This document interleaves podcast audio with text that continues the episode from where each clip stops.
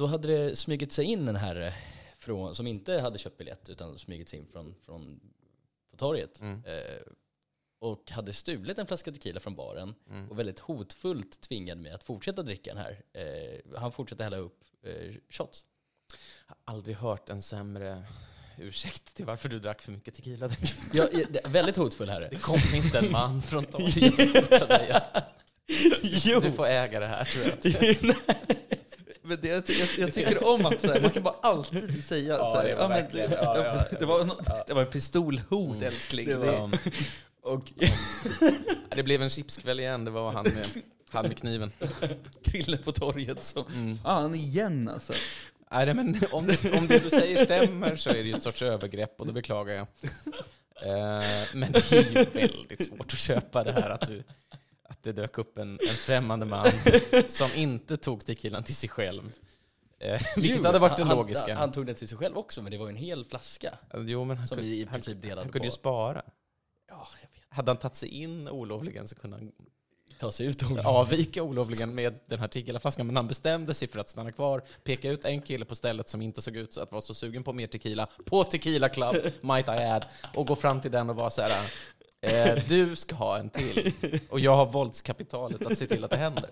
Alltså jag inser ändå att vi har fan hängt för mycket. För när du berättade den här historien, bara åh, var det roligt eller? Och bara gick vidare med livet. Ja, du måste... Uppenbart att du måste ifrågasätta mer, för det här var...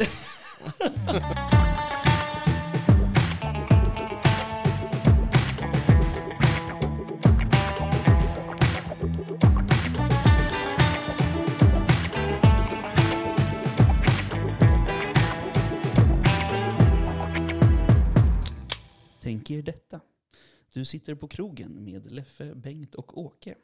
Leffe, han har precis rundat av sin historia om ufot han såg flyga ovanför Hemköp i Jordbro.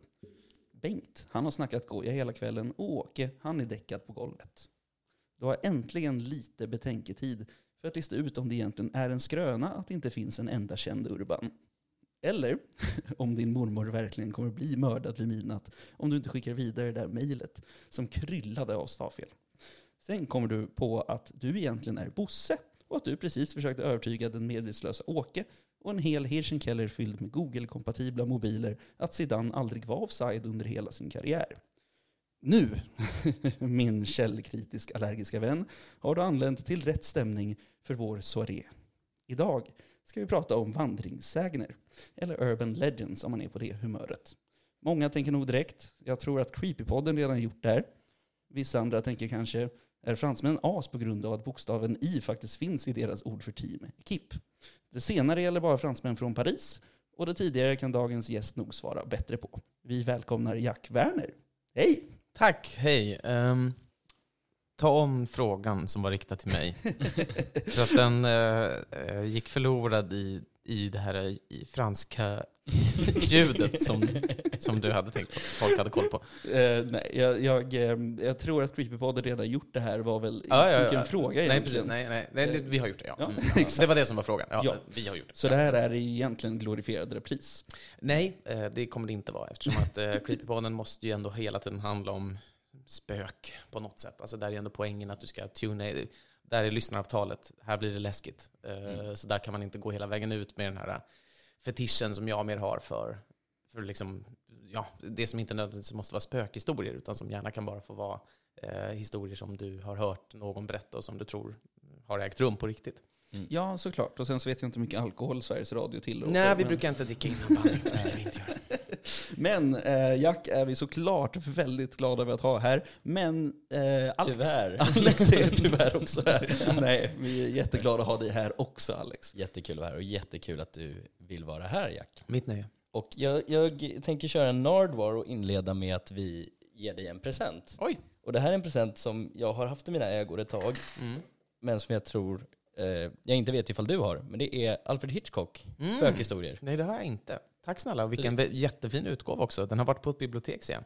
Ja, Eh, och eh, sen gått ut i allmän cirkulation. Och eh, det finns till och med kvar den här som jag minns från när jag var liten, att man skulle skriva i här på en eh, på, på, på rader liksom, vem det var som lånade den. ja exakt. Eh, men jag har absolut inte det. är ifrån. Vad kul, den ska jag läsa med intresse. Ja, Alex tog den direkt från biblioteket faktiskt. Ja, eh, nej, men, nej, det tror jag inte du gjorde eftersom att det inte finns någon biblioteksetikett här. Så jag, för jag kollade faktiskt det. Har du nu gått och snattat på Bibbla för att göra mig glad? Eh, Men det finns inga biblioteksetiketter här, så du har gått och köpt den här någonstans. Och eh, det gjo- gjorde du rätt i. Mm. Eh, Det tråkiga med de här är att de ofta är berättade i tredje person. Nej, men här har en jag redan från första början. Det jag söker är ju hela tiden berättelser i jag, alltså första person. Eh, För vi har bestämt oss för att eh, ha det eh, i podden. Eh, Så att alla berättelser som är i första person är jag automatiskt intresserad av, medan de som är i tredje person brukar jag liksom kul som nöjesläsning, men det har ingenting med mitt arbete att göra. Men, men eh, fan, Hitchcock skulle inte vara något fel att ha i. Sen så är det ju lite blandat. Det är ju Hitchcock berättar historier. Ja, just det. Det är Guy Endor och så vidare. Brenna, Så Brennan, ja. Mm. Alexandre Dumas var med. Ja, Bradbury var kul. Ja, för det är, det är lite spännande där nu när du ändå tog upp din förkärlek till första personet där. Liksom. Mm. För hela den här eh, jag-känslan tänker jag att jag kopplar till min research då. Oj, en förolämpning. ja, exakt.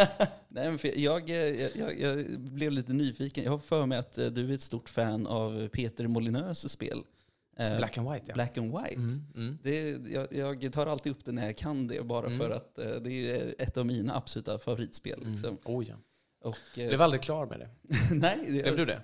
Nej, gud nej. Det jag spelade till och med Black and White 2. Ja. Eh, bara för, det var inte lika bra såklart. Men jag kom aldrig, alltså jag kom aldrig, min bäst blev aldrig så stor som jag såg andras bäster bli. Nej, det, ja, min blev jävligt stor men inte hela vägen alltså. Vet du vad det här är? Hur vet du hur Jag, det jag, satt och, jag satt och tänkte på spår när Mm. jag pratade monster. Ja. Så, nej. Det här var ju ett oerhört, alltså det här, jag kan fortfarande vara så här bara... Jag förstörde tyvärr ert rum. Oj, vad... Eh, technical difficulties. precis. eh, så här brukar jag inte misshandla, men sådär. Okej, jag förstörde mikrofonen, det var det som hände. Ifall Jag tror att vi- man undrar.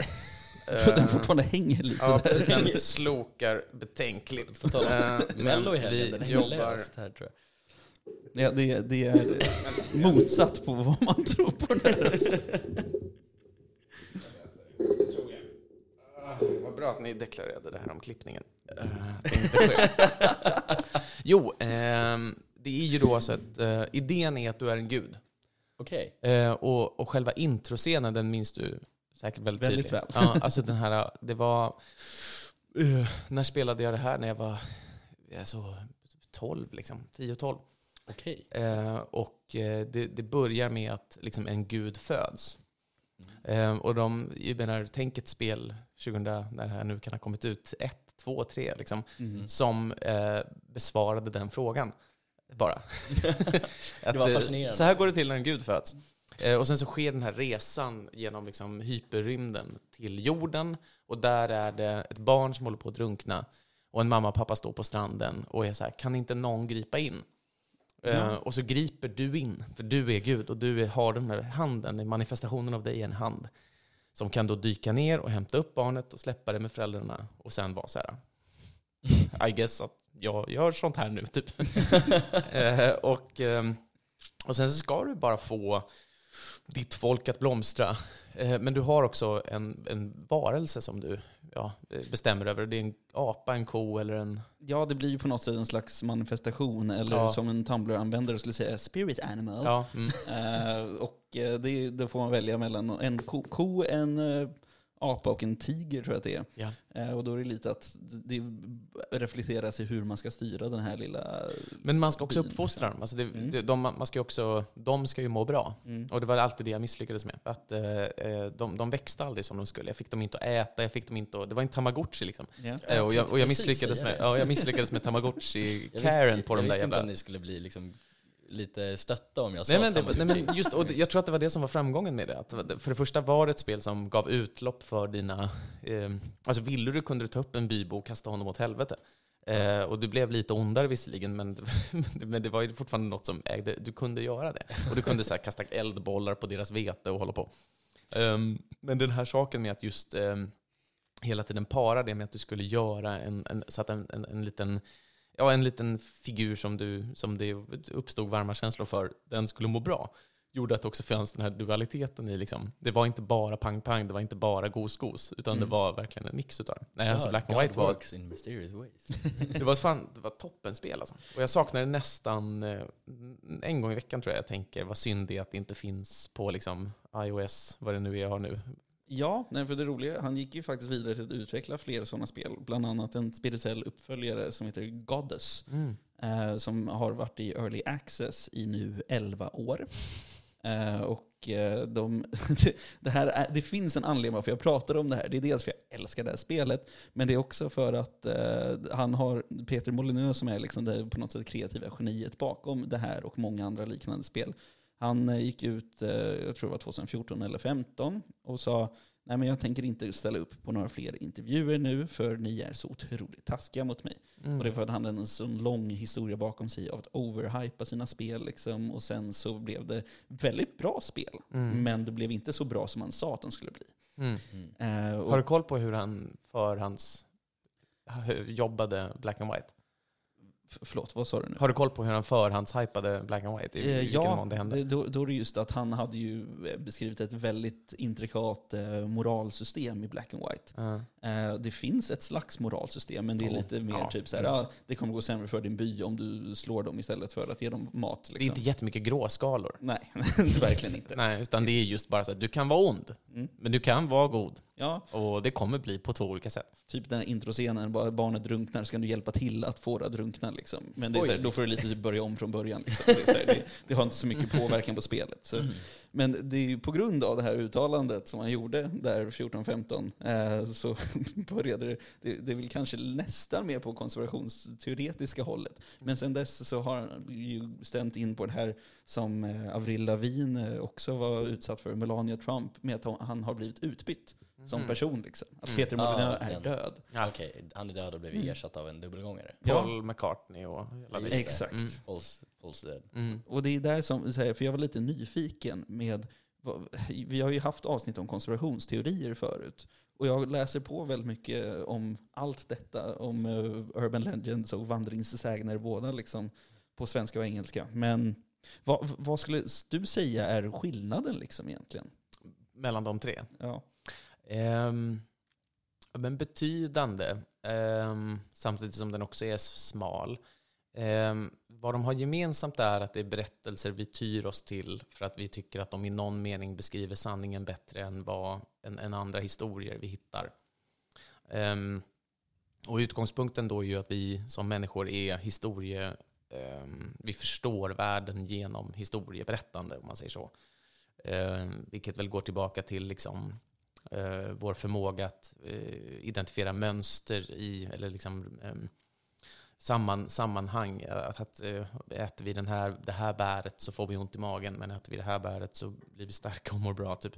Eh, och att det leder liksom till att vi blir bättre och bättre på att identifiera samman, samband och, och eh, kunna liksom dra, ut, dra slutsatser på förhand med utgångspunkt i lagrad kunskap.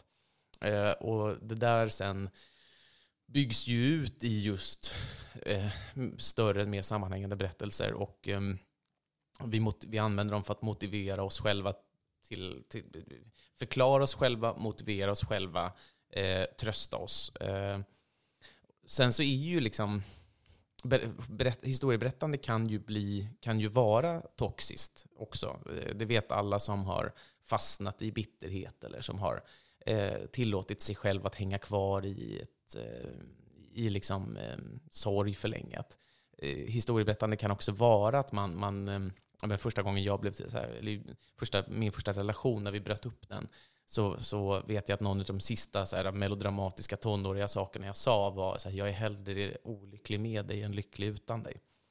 Och då, det är ju en person som, menar, det handlar ju också om att jag är då 17 eller vad det är, men att så här, det är ju en person som tror att, eh, som, som, som har fastnat i berättelsen om sig själv Mm. som, som säger det. Det är ju liksom inte en rationellt tänkande, en person som har koll på vad som är bäst för honom som säger så. Eh, och min, min hustru är psykolog och hon, eh, när hon, eller hon är utbildad psykolog numera så jobbar hon som dataanalytiker. Men hon, när hon var verksam och hade patienter så var liksom en ofta förekommande så här, eh, insikt att den här människan har fastnat i berättelsen om sig själv.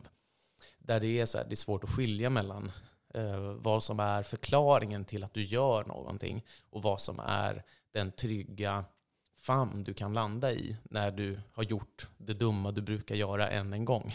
Mm. Som är såhär, jo nej, men jag gör allt så här för att jag har den här bakgrunden av att mina föräldrar var ovänner. Alltså, det kan också vara en snuttefilt. Det kan också vara någonting som du bara använder som en ursäkt. Mm. Ehm, så att på, på alla sätt och vis är ju historieberättandet en typ av um, ryggmärg som vi letar oss fram till för att försöka få någon sorts fast grepp om hur världen fungerar. Där skulle jag säga att konspirationsteorin ligger ju längre ut på den här toxiska skalan. Där konspirationsteorin är ju ett sätt att um, övertala dig själv att det, det finns liksom en, en, en strikt fördelning mellan god, ond och offer i världen, där man själv oftast tillhör kategorin offer. Um, och, eller, eller, eller god. Um, och där, där, som är en svartvit förståelse av världen som du inte har egentligen så stor nytta av i vardagen. Mm. Utan som bara är bra om du håller dig någorlunda isolerad. Eller med dina, dina likar som, som skriver under på samma teori. Mm. Um, så den är ju liksom, vad ska man säga, konserverande, isolerande och eh, säk- naturligtvis också polariserande givet att det du tror är det väldigt många andra som inte tror.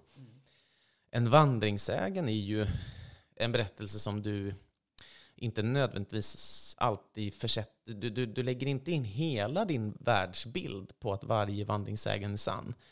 Du, det är inte, insatserna är inte lika höga. Men du upplever ju att det finns här en väldigt tydlig koppling till liksom någonting jag själv känner på mig. Eh, någonting du själv känner på dig är sant. Så att en vandringssägen är ju liksom eh, mer utav en, ett, ett, ett, sätt att skildra en vag övertygelse du har, eller en, en idé om en moral eller en tabu, som du inte behöver artikulera själv. Du måste inte själv, men om vi jämför igen då konspirationsteorin, den är ju ofta väldigt väldigt detaljerad. Om du ska redogöra för en konspirationsteori du är övertygad om, då måste du direkt gå in på alla de olika bevisen som finns. Du måste direkt börja dra upp olika bilder med, liksom, ser du här att skuggan faller åt ett håll och den tidpunkten åt annat håll, en annan, annan tidpunkt. Mm. En vandringssägen kan du återberätta och, och, och, och um, inkassera omgivningens reaktion på. Eh, och därmed känna att så här, sättet jag förstår världen på är även det som andra förstår världen på. Så att det finns en annan, så här, en, en vandringsägare är intresserad av att fungera i majoritetssamhället. Det är inte en konspirationsteori. Den är intresserad av att, av att hitta en person som liksom är ja, men hyfsat svag, hyfsat utsatt, hyfsat eh, ensam. Så att det, det, på den här toxiska skalan så ligger ändå vandringssägnen på ett, en, en, en mycket trevligare del. Och det är delvis också därför jag tycker om den, även om vandringssägner som individer kan bli ganska obehagliga. Mm. För att den ändå är, den är så intresserad av oss, eh, inte bara av några av oss. Vad var det tredje du nämnde? Det är urban legends i så fall. Det är ju definitionsmässigt samma sak. Ja, ja. och det, det, är där som... För jag är så nyfiken på det just Nej, du, jag får väl ändå kalla dig en expert lite på det här området, eh, vare sig du vill eller inte. och det är just att många vill på något sätt dra en väldigt stark gräns mellan urban legends och vandringssägner. Ja, det tror jag bara handlar om okunskap i så fall. Mm. Att det, det, är inte, för det är, ju, det, det är ju bara det engelska begreppet.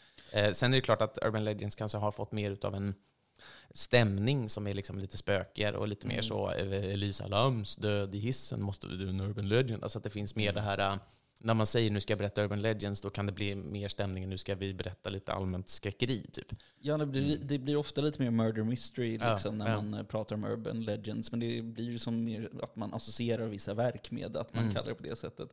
Uh, så ja, uh, på något sätt lite skönt att jag kände att jag hade koll på det. men, mm. men, tack jättemycket för ett utförligt svar. Det tror jag hjälper oss väldigt mycket för resten av det här avsnittet. Mm. Men, se. Vi är redan någon enhet in. Så det, ja, exakt. Jag vet inte hur mycket mer stringent det kommer bli.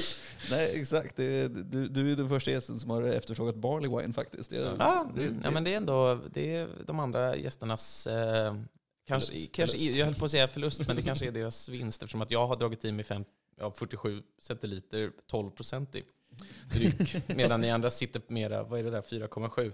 Ja, 4,7 låter rimligt. Ja. Jag tror det. ja, men jag är tre stycken in i alla fall. Så det, ja. jag, jag mm. tänker att det ändå kanske mm. jämnar ut sig till slut. Mm. Beroende på vilket tempo vi fortsätter hålla. Ja, ja men det är lite den här, äh, vad heter date rape. äh, att jag har fått den så jävla stark och sen intervjun börjar. Ja, men det- jag, tycker det är, jag, jag blev nästan lite orolig, för du, du är också en av de första som sa att ja, du skulle cykla hit. Mm, ja, jag gjorde bara- absolut inte det sen. Men vad tycker du om för öl? Barley wine? Jag bara, jävlar. Och det är minusgrader ute Ja, liksom. jo, men jag ska säga att jag har, jag har blivit mer försiktig på sistone. eh, Men å å andra sidan så har jag faktiskt, eh, jag har cyklat full en hel del gånger och aldrig haft problem med det. Den värsta gången jag cyklade var när jag hade druckit för mycket kaffe. Det låter väldigt dumt, men det var så. eh, Att det verkligen var så här, jag var helt stissig av kaffe. Mm. Eh, Det var den värsta gången jag cyklat. Men jag å andra sidan, jag är inte en jättestor knarkare så att jag kanske inte har så mycket jämförande med. Men var det att du cyklade liksom skakigt? Ja, eller precis. Alltså mer att jag inte, vårdslöst, nej, eller? skakigt. Mer att jag kände att jag inte hade full kontroll. Inte jättestor knark, mer typ amatörknarkare då eller? Nej, men att jag typ inte är... ehm, de gånger jag har så rökt gräs och så, så har jag känt att eh, fan, jag blir sömnig och kräkfärdig av det här. Mm. Och det är liksom inte värt det. Alltså jag har inte hittat någon. Och, jag, och, och sen så har jag den här um, dissociationsgrejen lite grann. Att jag känner att, åh nej, jag börjar se mig själv utifrån. Även vid liksom små doser eh, röka. och då känner jag att, är det värt att pröva typ syra? Mm, kanske inte. Alltså, jag, är lite för, jag har lite för stor respekt för den, så här, eh, den ångesten. Som jag, jag är i övrigt väldigt ångestbefriad. Men just den ångesten som, som kemiskt kan uppstå eh, vill jag helst inte utsätta mig för om jag kan undvika det. Ja. Eftersom alkohol räcker ganska långt så, ja. Nej men såklart, det är, det är halvfulla halvfulla, med och Kalle. Halvrökta, halvrökta bongs med...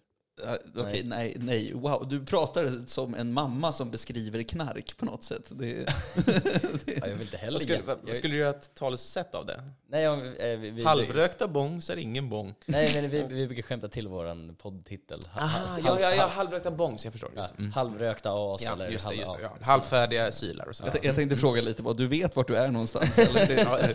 Men, eh, nej, men eh, jag tänkte, just det, jag har för många skärmar här. Det, det här är lite ny setup. Eh, Mm. Men eh, Ja, för den som inte ser kan jag alltså beskriva det som att det finns en skärm uppsatt som en, eh, ser ut som någonting man som beställer juice på vissa hotellfrukostar i. Ja.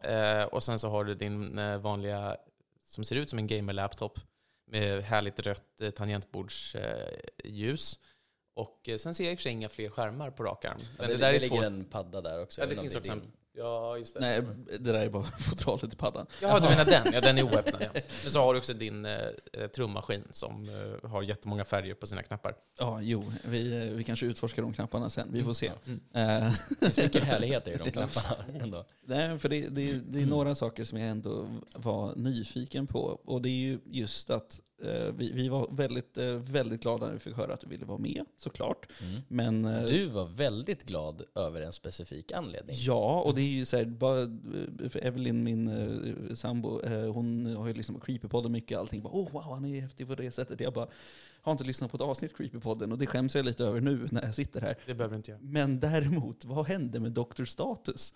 Dr. Status, eh, det är, ja, jag vet inte om det är ett scoop, men det finns folk som frågar.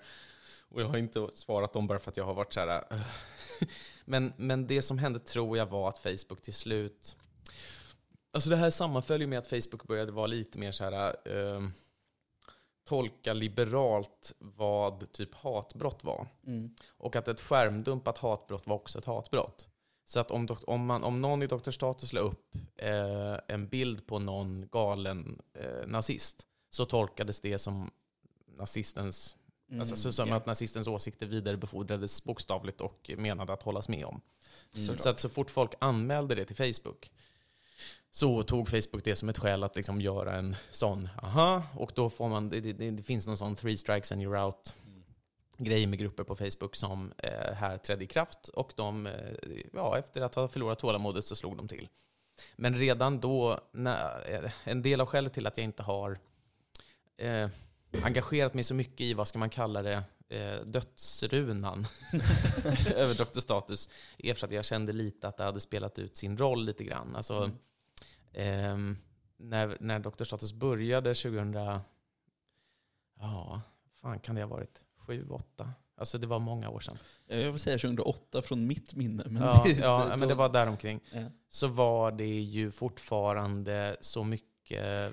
Um, viet på Facebook var... Um, ganska gemensamt, så att säga. Det fanns, inte, det fanns inte flera konkurrerande grupper, utan det var ett vi. Mm. Och det betydde att eh, det var inte så många som liksom gjorde det här, tog steget utanför och var så här, haha, kolla vad, vad, vad tramsigt, eller vad liksom konstigt, eller vad så här absurda de här situationerna är.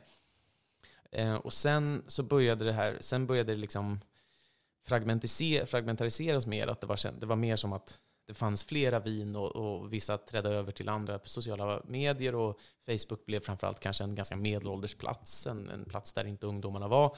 Och i allt högre grad så var det så var liksom Facebook skärmdumpar. Jag själv började känna att det här är någonting vi använder mest bara för att peka på ja, galna eh, hat, eh, hatmänniskor.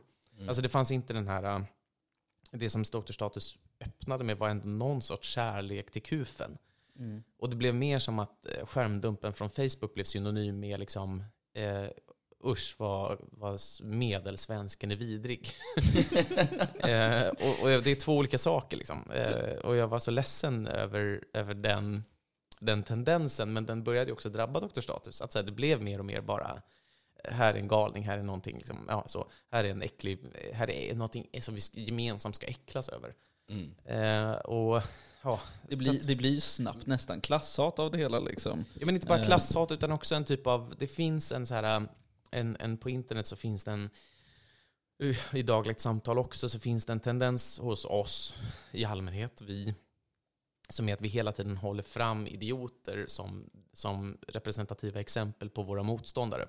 Mm. Så att istället för att, det här är ju den klassiska, så här, eh, man ska bemöta motståndarens starkaste argument, det är det hederliga, hederliga sättet att delta i en diskussion. Eh, och, och, och den regeln finns ju där på grund av att folk inte har gjort så. Alltså, nu talar vi så här Aristoteles grejer, typ. Alltså man har angripit den svagaste länken i argumentet när det, det är hederligt att angripa den starkaste delen. Och an, vi, har, vi gör ju detsamma. Det, det, det, måste till en ny sån regel, för vi gör ju detsamma med exempel på idioter från våra motståndare. Att vi hela tiden återkommer till vad säger liksom just den här idioten idag? Eh, för i så fall så är jag beredd att lyfta upp det och säga att det här representerar alla mina motståndare. Och det här är ju till och med någonting som utvinns av, det finns en hel liksom, genre av så här Twitterkonton som heter typ Mikael eh, Naturälsksson. Och, och som är så här, någon som fejkar typ en miljöpartist Ja. för att skriva idiot-miljöpartist-saker som sen högermänniskor kan skärmdumpa och lyfta upp och säga kolla vad idiot, vilka idioter miljöpartisterna är. Mm. Och det här är ju någonting som även går igen i så här, jag skiter att det är fejk, det är jävligt ändå, som tolkas av många som så här, dumma högermän. Ehm, vilket i och för sig var just det, det citatet kom ju från en dum högerman. Men poängen är att eh, vi hela tiden är så, här, så svaga för det här enskilda exemplet på en idiot och lyfter upp det som, som så representativt. Eh, och det var lite det också Dr. Dr. Status strä, liksom, trendi, trendade att bli. Så att när, det väl, när, när de väl drog ut sladden, även om det var synd på en så här 110 000 stark eh, Facebookgrupp som ändå hade verkligen en intern kultur. Det måste man ändå säga om den gruppen, att det fanns en tydlig så här, egen kultur där, en egen referensram, en egen Mm. idé om vad som var, vad som var ett Dr. Status-bidrag. Mm. Och jag är ganska stolt också över att, eh, eller inte stolt, kanske mer nöjd över att ha varit diktator på det sättet. För att, eh, vi, vi hade ju så starka regler, vi, var, vi hade så tydliga regler, vi hade den här liksom grejen att vi, så länge skrattarna var på admins sida så vann vi. Så det Mm. betydde att om man bara spöade och kickade någon idiot med rätt, så här, med, med, med rätt formulering så, så, hade man all, så visste man att man var safe. Liksom.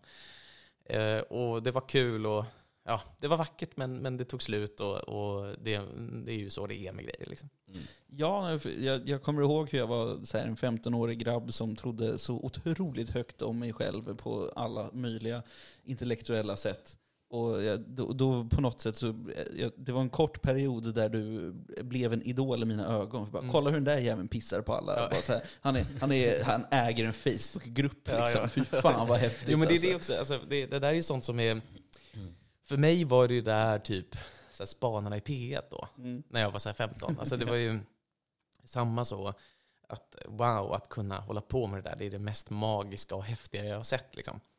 Ehm, och det är, väldigt, eh, det är väldigt kul att det där, det, det, vad ska man säga, dynamiken finns kvar, men att de här plattformarna är så vida skilda. Att så här, den som typ styr och ställer över en Facebookgrupp var för ett kort tillfälle, nu är ju inte 15-åringar idag särskilt intresserade av det, men det var en kort tid, så var det ju lite, lite coolt. Liksom. Ja, men såklart. Ja, och, lite, och lite roligt. Sen så i efterhand är det så här, bara, vad fan, du vet, vad var det? Det var att jag höll på och så här bröla, bröla på Facebook, men, men, men det var något. Det var något. Ja, men såklart. Och det, det, det som jag på något sätt var nyfiken på, jag vill veta om det finns någon slags kontrovers här som, lämnar, alltså som slutade i att ni verkligen tog bort det här från internet. Nej, nej, det var inte vårt beslut. För det, det finns ju nästan inget spår av att det här någonsin har existerat. Nej, och, men, och jag är lite svag för det. Ja. Att, att det fick bara vara. Det fick vara, för att så här, internets stora problem är, eh, det finns många. ett, ett, av, ett av internets problem är att vi har eh, direkt importerat dagligt tal, så, så här, det här vi gör nu. Vi, Mm. vi, har liksom, vi har börjat ägna oss åt det i text. Samtidigt som vi har kvar en, en föråldrad förväntan på text som är att den ska vara mer noggrant genomgången. Eller rättare sagt att vi ska ta ansvar. Att i, i, i tal så, så finns det en större så här, um, en grad av avslappning, av, avslappning av, av, liksom, av, av tolerans. Att så här, om du säger någonting oöverlagt eh, i liksom ett, ett, ett format som inte är tänkt att vara eh, offentligt så, så har vi ganska mycket tål, tålamod med det. Men i text, om du skriver någonting som, som, din, som, som du inte tänkte igenom alldeles, så har vi ganska lite tålamod med det. Då är det ju ganska lätt att slå ner på det. Skärmdumpen sprids, liksom ansvarsutkrävandet kan inträffa.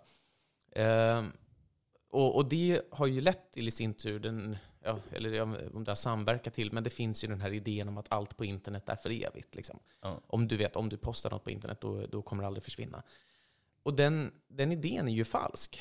Alltså det, det, det vet vi ju redan nu, så här, arkivarier är ju på allvar bekymrade över att så mycket viktig, kulturellt intressant aktivitet inträffar på internet som sen bara går upp i tomma intet. Det var ju lite som med, med Drelo, eh, artisten, som Mm. släppte, egentligen bara släppte sin musik på nätet. Och sen så beslöt han sig för att nej men jag, jag lägger ner, Han tog bort sin... tog bort all sin musik. Mm. Och då var det ju musikarkivarier som blev lite så här, men det kommer vara, det kommer vara ett hål Mm. i musik, alltså svensk musikhistoria på något sätt. Av Mm. att det här är två år som bara försvann av musik som bara släpptes på nätet. Det finns ju inte att få tag på egentligen om ingen sitter på det på en hårddisk. Nej. Ja, det var väl 2020 eller 2021 där han var den mest lyssnade artisten. Liksom. Ja, det är, här, det är, Och det finns inget spår av det. nej, Mm. det, det, är ju, det är ju läskigt på många sätt. Liksom. Jo, ja, och det är framförallt just att så här, det, det finns ingen övergripande, på det här sättet som vi är vana vid att kanske KB kliver in och tar ansvar och mm, pliktexemplar finns där. Eh, Men på internet finns inte det och det betyder att saker och ting kan komma och gå. Och i vissa fall är jag bekymrad för det, i vissa fall tycker jag att det här är sorgligt. Eh, Drilos katalog till exempel är väl en sån typisk sak som den har haft, den har influerat människor, den har bidragit stort till mångas liksom, eh, vardagsliv. Det är en uppenbar så här, Nordiska museet-sak. Den ska finnas i en monter på Nordiska museet för, fram, för framtida generationer. Dr. Status dock, kan jag tycka, hamnade på andra sidan den, den gränsen liksom, och var mer en så här, jag är okej med dess efemära natur. Jag är okej med att det var eh, eh någonting som uppstod i ett ögonblick. Ja, och som kanske inte var, Um, som kanske inte måste ha, det, permanensen var inte så jävla viktig där liksom. Eh, för det var kul just där och då, och, och det måste inte vara så kul sen. Å andra sidan, jag samlar ju på så här eh, virala skärmdumpar, för jag, jag identifierar ju eh, så här delningar av typ, ehm, ja, men om ni vet, så här, en viral skärmdump, en, en, eh, som, som kanske är någonting som människor delar och säger åh, det här är så bra sagt. Mm. Typ. Mm. Jag identifierar det som en typ av folkberättande. Att det, det finns ju en, en sorts liksom, uttryck för ett sentiment som tydligen väldigt många håller med om just där och då. Och det säger någonting om folksjälen. Eh, för att ta ett exempel så finns det, det, det, det, det hände någonting intressant mellan första så virala skärmdumpen som jag hittade om eh, corona. För den var då, jag har den här, den var så här. ehm, det var den här, ni vet, det här meme-formatet där det står en eh, gubbe och eh, säger vad vill vi ha? hur När ska vi vill vi få ha det? det? Ja, när vill vi ha det? Hur ska vi få det? Ja. Eh, det var den så här, vad kommer vi dö av? Coronavirus, vad är symptomen? Eh, feber och hosta. Vad ska vi köpa? Toalettpapper! Ja. eh, och så här, och, och, och Gammal rage comic-stil. Ja, liksom. precis, precis. Och det är liksom ett uttryck då eh, i mars 2020. Ett annat uttryck är en väldigt spridd, likaledes då skärmdump, där det står till dig som har bunkrat 28 paket pasta, som letar på svarta marknaden efter handsprit, till dig som bär ansiktsmask och till dig som planerar att ta ditt barn till ett coronafritt område. Döm aldrig någonsin de som flyr från krig och förtryck. Så att så här, de här två, och det, det, den här är betydligt mer seriös än senare, och de, de, de två existerar parallellt och tilltalar två olika grupper eller två olika känslostämningar. Så att det här är ju liksom ändå intressant och i, i den meningen är ju de här äh, skärmdumparna från Dr. Status också intressanta.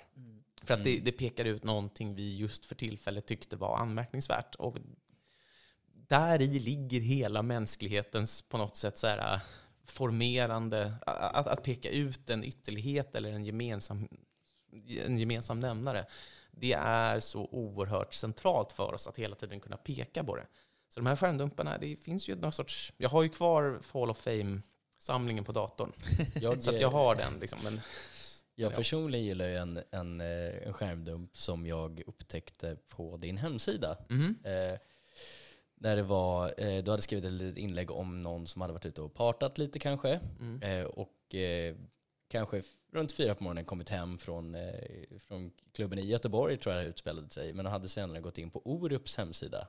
Och eh, där i forumet, är det här någonting du minns? Ja, jag minns det vagt. Ja. Ja, Vänta, det var Det något finns ett jätte- forum på Orups Ja. Visst fanns det? här var runt Det var det var någon- 2011 tror jag. Det var någon dråplighet som skedde där, ja. Hon, eh, hon skrev eh, flertal inlägg riktade till Orup Ja. om att eh, jag är civilingenjör, eh, jag gillar att du hjälper mig med min karriär, vi borde ses, Mm. jag har mobilen på mig.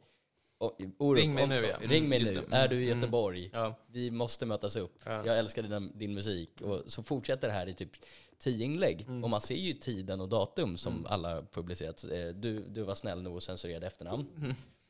Eh, och sen så de tre sista inläggen är att hej, ta gärna bort mina inlägg. De, eh, de, eh, och, Jo, men det där, för den där, just den här, den här eh, just nu-grejen i internet är också så jävla giftig att så här, nu har du, Menar, i, I ett fall av hundra så är ju Orup inne på orup.ses forum.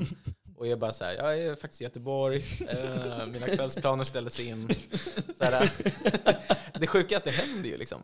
Ä- Även om jag inte vet om just Orups forum. Men ni vet, alltså så här, att det är slida, lite såhär varför du är här idag liksom. ja, ja, men, ja, precis. Ja, men det finns ju en anledning att så här, slida in i någons DM är ett fungerande koncept, för att ibland fungerar det. Ja. Alltså så här, man kan verkligen DMa någon på Instagram och den svarar och är bara så här, "Ah, okej, typ. Och, det, och just framförallt typ nattet, alltså så här, när, när impulserna är, all, är regeln till allt. Till, så här, det, det är regeln som förklarar att allt fungerar. Så att det, det är ju bara, problemet för de människorna som var mest aktiva då var ju att det var allt sånt skedde offentligt. Alltså så att man kunde inte mejla, det var just, eller man kunde ju mejla såklart, men det var inte lika säkert att man nådde fram, så därför var det så här Orups forum som var, eh, och problemet då offentligheten där, att man måste ta ansvar, återigen, man måste äga det liksom. Men då måste jag fråga, är det här en skärmdump du har? Gick du in på hans forum av en händelse och hittade Nej, jag var, nej, jag var nog inte något inne sätt? på Orups forum. eh, det, kan, det är det enda jag kan säga säkert om det här, för jag har glömt allt. Men jag har aldrig varit inne liksom, av eget bevåg på Orups forum. Det, Eh, var- för det var det jag satt och tänkte att han, han måste ju ha fått den här skickad. Ja, eller, eller har han upptäckt den här liksom? Eh, Realtid. Jag tror att den spreds på något sätt. Det det, Eh, ja. och, och det kan hända, ja precis, det är det här inlägget, ja, vi ska se. Nej vänta, det är jag som har skärmdumpat där, för man ser min egen profilbild här uppe. Visst är det? Ja, det är jag som har skärmdumpat. ja, jag var tydligen inne på Orups forum då. ja, oklart hur, eh, hur jag hamnade där. Men, men det här var ju då Av alltså- samma anledning som Katarina. Precis, jag var lika packad. Jag var, också, jag var där för att ställa samma fråga. Orup, vad gör du? Och sen så hade någon redan frågat.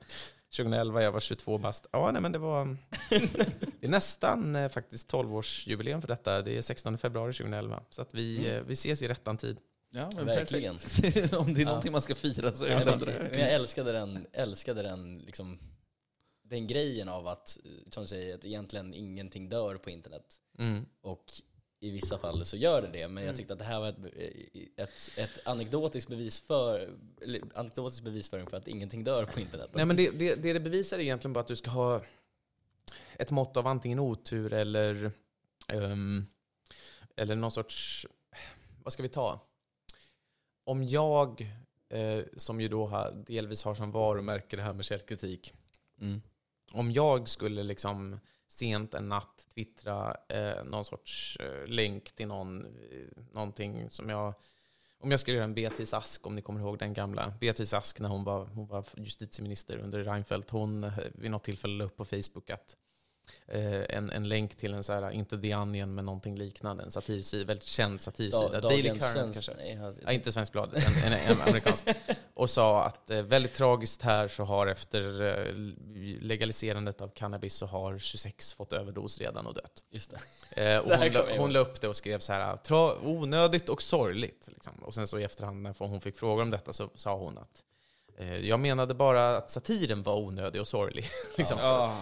Men såklart. hon gjorde ju så här uppenbart bort sig. Ehm, och om, ju, om jag skulle göra en sån sak så skulle det snabbt skärmdumpas eftersom att jag har det här var- källkritik-varumärket. Eh, men min poäng är att där är det ändå ett, en, en, i, i, i sin litenhet är det en perfekt storm. Det finns en, så här, en faktor som gör att det där är eh, någonting värt att peka ut. Många andra eller så här, om jag hade skrivit ut någon, om jag, jag är inte känd för att ha särskilt bra koll på musik. Om jag hade lagt ut någonting någonstans som var så här, eh, wow, hiphopen har verkligen tagit tillvara på countryn här nu på sistone, alltså någonting clueless på något sätt, så hade det inte på samma sätt gått, så säga, kunnat memoreras eftersom att jag inte har det här varumärket. Så att Mm. det jag säger är nog snarare att alla som inte har... Det det handlar om den här kunskapen inom gruppen. Mm. Om en grupp har kunskap om någonting som gör att det någonting du säger har ett visst värde, då är det större chans att det memoreras. Men, men väldigt mycket har inte den där interjektionen av liksom två olika värden, värdeskalor. Och då, då kommer det inte memoreras. Då kommer väldigt mycket det vi gör bara försvinna. Ja, Vi har ju lite interna sådana. Jag tänker eh, eh, Tom Jones och eh, Barry White. Nej, fy fan. Okej. Eh, Ja, det var- river upp gamla Ja, sår här. alltså. med att, Mm. Just för att vi båda gillar musik väldigt mycket så var det en låt av Hot Chocolate. Mhm. Eh, en grupp från 70 kan vi säga. Jag vågar Så- inte säga någonting. Nej, inte jag heller egentligen så här långt. Men då var det att det var en låt som spelades och så sa jag åh, Barry White och Kasper sa nej, det här är Tom Jones. Och båda vi hade egentligen fel. Mm. Jag hade mest fel. För det var hot chocolate. Ja. Ja. Eh, och eh, jag får skämmas för det här för att jag är väl den som generellt av oss två. Men eh, varför var det mer fel? För att eh, Barry White har mycket mer baroton. Han är liksom väldigt långt ner. Och det här Ja. var liksom ändå... Ja, Tom Jones är absolut mer... Ja, Tom Jones allt. var mycket, mycket Ja. närmare gissning. Okej, ja. Mm. Röstmässigt. Det var det här som var det Ja, jag, tycker nördiga det var, jag tycker det var en, en lite hård... Lite hård, hård självkritik. Eh, Ja. Men, men, men, en viktig del är också att han gissade på Barry White. Mm. Eh, som man ändå får säga med eh, den till stor del svarta gruppen eh, Hot Chocolate. blev Mhm. lite Ja, men då ska man ha en bild av hur de ser ut. Ja, men det, Eller ja, eller hur genren låter. Alltså, Okej, för det, låten var You Sexy Thing. Ja. Eh, och det, är det den? You sex, du, Ja, you- exakt. Exakt det du tänker på när Mm. du hör You Sexy Thing. Mm. Jag var övertygad om att det var Tom Jones. Och du var övertygad om att det var Barry White. Och det är Men Tom där- Jones är lika vit som Barry White. Ja, såklart. Ja. Absolut, men han heter ju inte White. Eh, Nej, alltså, som Ja, det är mm, Ja. möjligen hårda bandage. Så att, han heter ju faktiskt... Men sen, har du, hört, har du hört någon av de här artisterna? Liksom? Tom Jones ja. Ja, Mm. för Tom Jones... Barry White jag också. Tom, Hot Chocolate, ja tydligen har jag det för Mm. den låten har jag hört. Ja, och då, Det, men, det, men, och Barry White, jo men jag är ju med på den här tonskale-grejen, men Ja. i övrigt så kanske jag inte hade känt igen dem så. Nej. och det, är- det är det som vi byggde på Ja. främst. Sen, sen så är det bara det här med att han faktiskt heter Barry White tycker jag bara är roligt. Ja, liksom. Mm. Men eh, det, det, det är ju faktiskt just de här kunskapsluckorna tycker jag är Mm. fascinerande. Men det är också att eh, det kommer ju inte ändå vara evigt. Det var ju en liten konversation vi hade på eh, Mm. Nej, men in. Nej, nej, liksom. Nej, men, men, och även sånt vi publicerar försvinner i så Mm. mycket högre grad än vi tror. Alltså man, det, det, och det är ju både på gott och ont, för att just det här att det försvinner är ju en, ett, ett problem, men Det intressanta är ju att vi, det finns en bred kulturell enighet om att det som en gång är på internet aldrig försvinner från internet. Eh, och den är inte alldeles sann, utan den gäller bara i ganska specifika fall. Eh, ja, men om man tar så här, det var någon, jag har följt med lite så här, med vänsterhanden bara har jag följt med någon så här story om en streamer som en Twitch-kille tror jag som i något sammanhang så här, under någon stream visade upp en skär, visade upp sin ja men ni vet, gjorde det här klassiska misstaget att visa ett antal av hans dåvarande öppna flikar. Råkade ha porr eller någonting. Ja, och vad han hade liksom. var alltså sån eh, ehm, AI-genererad, att de hade lagt in ansiktet på en autentisk person över en, porr, en, en, liksom en porrkropp eh, som föreställde andra streamers. Och eftersom att han var aktiv i en ganska liten genre så var det så här, det här är ju människor han är liksom kollegor med och som han interagerar med på daglig basis. Och han hade liksom kollat på några av deras då AI-porrklipp, eller bilder. Och, och den grejen är så här, det, det sjuka med det, eller så här, det mest, inte sjuka utan ganska logiska med det, men, men tragiska, var ju att det skapade en stark efterfrågan på just de bilderna. Mm. Alltså, det här, det här, bråket om det här och, och just det här att nu, nu, liksom, nu måste han be om ursäkt och han gör det i ett väldigt konstigt klipp där han sitter och gråter och hans fru av någon anledning sitter precis bakom honom och gråter också. Alltså alltihopa är väldigt illa regisserat. Liksom. Bara om man vill ha så här, sympatier så ser det jättekonstigt ut. Um, allt det här skapar ju liksom den här, kan man tycka då, paradoxala men samtidigt också fullständigt logiska efterfrågan på de här AI-genererade porrbilderna som i sig är ett form av övergrepp och som därmed görs odödliga. Men väldigt mycket annan sån utav nätets så här, oändligt stora innehåll kommer aldrig på det sättet memoreras. Även motsvarande övergrepp kommer inte memoreras. Ehm, så att det finns den här måtten av slump och att det måste funka just i liksom en kulturell, för tillfället kulturellt het eh, zon Mm. som gör att det, ja, som, som gör att det blir något. Och det är det som man, ja, man, man måste hålla de där två tankarna i, samtid, i huvudet samtidigt. Att allting kan absolut bli permanent, men allting som vi gör, det, det, man, man, kan, man kan nog jämföra det med att rösta. Alltså, vi vet att våran enskilda röst är inte värd så jävla mycket. Om vi är soffliggare, det kommer inte förändra ett skit. Men vi måste tänka att vår röst förändrar någonting, för att annars är demokratin ingenting värd. Mm. Och det är precis samma sak med vår output på internet. Att så här, vi måste tänka på den som meningsfull, även om vi vet att den är meningslös. för att det är först då vi tar ansvar för, för, för den. Liksom. Antar jag. Varsågod Ja. för uh, utläggning om oväntad uh, ja, demokratiförkämpe. Nej, men det, det är väldigt uppskattat. Mm. Eh, det- jag, vill, jag vill gärna utvidga på ämnet egentligen, men vi har också en begränsad, eh, tids, eh, ett begränsat tidsformat här. Mm. Så jag tror om vi, om, är det okej om vi går vidare? Ja, absolut. Oh, ja. Jag är klar. Eh, I så fall tar jag gärna den blommiga burken om du har möjlighet. Vill du ha din uh, arbetsgivares öl? Ja men den kan vi ta. Ja, nej, ja, det fanns den här också. Vill du ha den heller? Den, den, eh, jag får inte säga att jag gillar den mer, men Nej, jag utan får säga att jag gillar den. och vill du ha en god Spendrups? Mm, en kall god Spendrups. Varsågod. Tack, tack. Ja, fantastiskt. Nej, för du, du, eh, jag tänker att jag börjar med att eh, säga att om du, du har ju vunnit eh, en hel del priser eller hyllats för en del eh, insatser genom åren. Eh, du, du är ju upphovsrättens hjälte som... Ja, eh, Weird pris. Ja, exakt. Så det heter väl Alice-priset nu om jag ja. förstått det rätt. Det stora journalistpriset såklart. Någon slags hedersomnämnande i Guldspaden. Men det som jag tycker är intressant, som många nog tycker är intressant, är det här årets folkbildare. Mm. Men, jag vet inte om du vet det här Alex, eller? Men, Att Sabaton har fått det. ja, såklart. Mm. Men det, är- det, det är väldigt intressant. Mm. Men Jack är den enda personen i världen, eh, men ja, det är ju ett svenskt pris, som har varit både årets folkbildare och årets förvillare. Okej. Mm. Årets folkbildare försälj, förva, eh, viralgranskade den årets förvillare för att jag var med i den jury, Stora Journalistprisjuryn som delade ut eh, Stora Journalistpriset Årets avslöjande till Estonia. Estonia-dokumentären. Eh, Yes. Som ju, eh, ja. Ja, precis. Eh, där är ju en... Eh, För, för va, jag, har, ja, har du en specifik fråga om? Ja, nej, för det, jag är nyfiken på just, eh, jag, just som du, det, det, jag vill uttrycka det diplomatiskt på något sätt. Att Du Mm. uttryckte dig diplomatiskt när du eh, sa din del i det hela med förvillardelen av eh, priset. För eh, Ja, jag kan väl... Jag, jag, jag har svårt att formulera frågan egentligen. Men det är just att, hur tänkte du när du var med i den juryn och eh, Mm. på något sätt bestämde att Estonia-dokumentären skulle få det här priset? Ja, jag får inte tala för...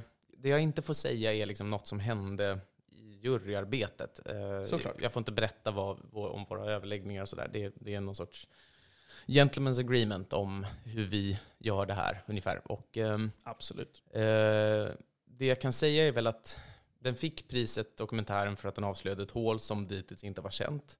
Eh, hålet fick tre regeringar, eh, Finlands, Sveriges, Estlands, att eh, inleda nya eh, eftersökningar på eh, Estonia.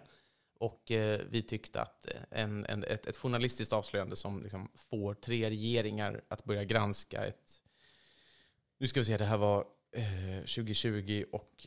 Nej, var det 2019 eller var det 2020? Hjälp mig. 2020 var det Ja, väl, 2020. Eh, 94. Vi talar eh, 24, 26 år gammalt. Eh, avslöjande, alltså, eller en 26 år gammal händelse. Eh, får man, skapar man den typen av liksom förnyat intresse för en sån gammal händelse som också har den här stora betydelsen för så många människor, eh, ja, då är det nog årets avslöjande. Ja, nej men det, det, här är faktiskt en, ett helt nytt perspektiv som jag inte har tänkt på själv. Och det är därför jag vill ställa frågan. Mm, För mm. det, är- det är ju mycket som blir lite konspirationsteoretiskt i hela dokumentären. Ja, liksom. jo, men absolut. Den har ju en ton som är, Mm. som är något helt annat än, än, än, än den här hårda faktat. Eh, Så det är lite mer konsekvenserna, resultatet av den liksom, som är i centrum. Jo, för, och det, det är ingen slump att man i nomineringstexten underströk just hålet. mm. Eh, det, det finns där av en anledning. Och sen är det ju så på något sätt att som journalist så journalistik kan ibland gränsa till konspirationstänkande i den meningen att det ser en, en liksom hittills osedd eller oanad eh, benefaktor eller, eller liksom eh, makt bakom eh, händelser. Ehm, och det där är ju någonting som jag tror att man... Det, det, det svåra med att ringa in det är att det, det, det snabbt liksom kan löpa över i just bara konspirationsteori, just bara trams, just bara eh, toxicitet. Um, men om vi tittar på det engagemang som har omgett Palmemordet, eh, som ju delvis har lett till också en ny, liksom, att eh, Palme kom i få, alltså att själva utredningen landade någon annanstans än vad den, ut, vad den ursprungligen landade någonstans. Så, så finns det ju liksom ett, ett mått av att konspirationstänkande eller letandet efter ett alternativt svar på någonting där liksom en majoritet eller en, eh, eh, eller en makthavare har redan sitt eget svar. Eh, det finns ju också en funktion i det, eller en, liksom en, en, en potentiellt god effekt. Samtidigt som det där ligger ju vägg i vägg, alldeles nära den, den negativa effekten som är just att det är en snuttefilten som vi talade om förut. Ehm, det jag också tänker är att granskningar som, som om vi tittar på en sån sak som, som Estonia som har så många fortfarande, det finns så många människor som in, då talar jag inte om konspirationsteoretikerna som liksom tänker att det var eh, nödvändigtvis ryska ubåtar som krockade in i dem eller så, utan som i allmänhet går runt och känner att det politiskt illa skötta kring den katastrofen ledde till eh, outrätade frågetecken som man fortfarande lider av. Så finns det ju, eh, Eh, de, de är så många att de här frågorna ändå hålls vid liv.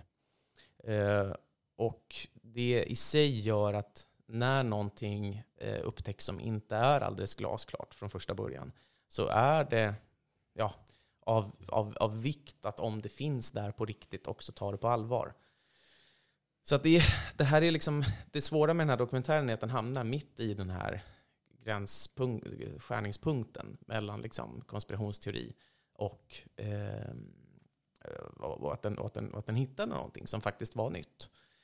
Att man idag nu, det senaste som haverikommissionen ut, den här gemensamma då mellan Finland, Estland och Sverige, det senaste de har tagit fram är ju att det verkar som att de där hålen korresponderar helt med de här stenarna, berggrunden i botten Mm. ser jag som bra. För vad som har hänt då är att vi har kommit längre. Alltså att vi har ändå, eh, det, det fanns, det fanns liksom den här, eh, den här myllan av eh, potentiell, eh, dels liksom potentiell eh, eh, fördunklande men också, men också liksom de här ouppklarade frågorna. Och nu har tre regeringar gett sig in i det här med huvudet före och, och undersökt det här och man har kommit fram till att det fanns ingenting här. Det, det är liksom, även om det var mycket politiskt illa skött i, i Sverige med men, idén om att tänka, täcka över med cement och sånt, eh, så, så har vi ändå kommit någon vart nu. Det, det, jag tror och hoppas att det här leder till att klarheten om vad som hände med Estonia är större.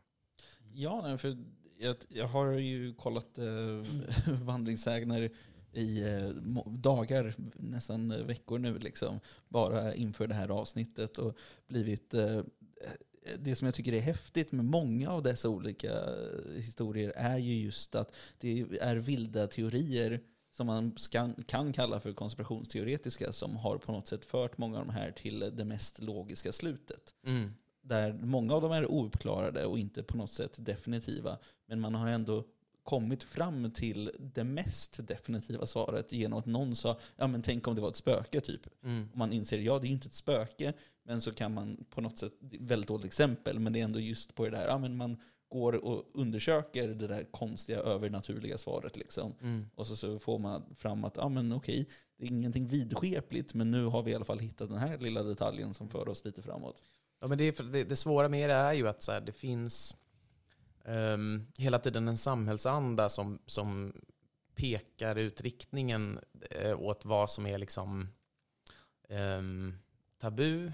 Uh, och, och, den samhällsandan är ju liksom på ett sätt viktig när man tar i beräkning varför vi inte liksom bråkar om ett visst ämne nu när vi bråkade om ett ämne förut, eh, eller vice versa. Ehm, de apatiska flyktingbarnen är ett exempel där senare tidsgranskning verkar visa att det kanske handlade om press från föräldrar mer än det handlade om ett autentiskt medicinskt tillstånd. Um, och det, det, det, det svåra samtidigt är att så här, ofta handlar det där också om att hålla, hålla, hålla hårt eh, liksom en, en, en gräns mot eh, spekulativa, fördomsfyllda eh, och bara galna idéer. Eh, och den, den där liksom mixen mellan vad folkviljan strävar mot, att så här, få det här klara och tydliga berättelsen om hur något gick till. Eh, en konspirationsberättelse om Estonia är ju så enklare om det är en onding som, som, eh, som sänker ett skepp full av, av oskyldiga offer. Det är en Disney-skurk som ja, är ute efter världsmakt. Och det, är en, och det är en svårare story att sälja om det just bara är som det verkar ha varit, att ett illa omhändertaget fartyg Eh, sjönk på grund av att det var en väldigt jobbiga väderomständigheter och liksom, eh, hon gick sönder i stort sett. Så att det finns ju den här det, det, det, det, ligger liksom en, en den Estonia-katastrofen ligger i liksom en, en, ja, men en skärningspunkt ändå mellan flera, eh, flera samverkande faktorer som, som gör att det är svårt att eh, så fort man börjar ifrågasätta så, så är risken att man också glider över i konspirationstänkandet. Det är som att det är samverkande faktorer som bara drar en dit. Ja, för jag tänker lite, letar man efter en syndabock på något sätt? Det gör man väl i alla stora ouppklarade katastrofer. Ja, mm. och, och, att då få fram resultatet av att det kanske inte finns någon syndabock, förutom, alltså nu vet jag inte vad. Skulle man bli lite besviken av det? Mm. Av att komma fram till att, ah, okej, okay, det var bara som du säger, väder eller massa liksom olika, då, ja, massa olika, olika, faktorer. olika, faktorer. Inte en och samma klara. Ja, absolut. Alltså, det är alltid mera, det är alltid mera eh, effektivt om det är att någon sprängde upp ett hål. Ja. Eller att någon krockade in i. Alltså så här, allt sånt där som är just så här, the smoking gun på något sätt mm. är ju mer effektivt. Vi, vi, vi famlar efter det. Mm. Uh, så det, är ju, det är ju absolut en, ett, uh, en, en liksom mänsklig drivkraft att, att vilja ha det där. Mm. Um, ja, nej, men det är en... Ehm, det är en, eh, en, en eh, heder som jag bär med visst, eh, jag ska, plus minus noll lite grann att vara folkbildare och förvillare samtidigt. Ja, jag, jag, tycker det är intressant också med hur jävla högt och lågt man går i det här. Med, mm. Som sagt, Sabaton blev ju årets folkbildare nu. Just det. Uh, men, Kritiserade. Ja, men sen så tycker jag också att det är lika roligt att på andra sidan har man ju liksom årets förvillare, så har man ju typ Thomas Eriksson som skrev de här eh, Omgiven av idioter, eller vad den heter. Just det, och, med alla de här färgerna. Ja, och Mm. där har vi ju alltså förvillande på den högsta jävla nivån. Liksom. Grejen är att det, här, det med, med den boken har gått så pass långt att arbetsgivare använder det här Mm. i stadier för ansökningsprocess.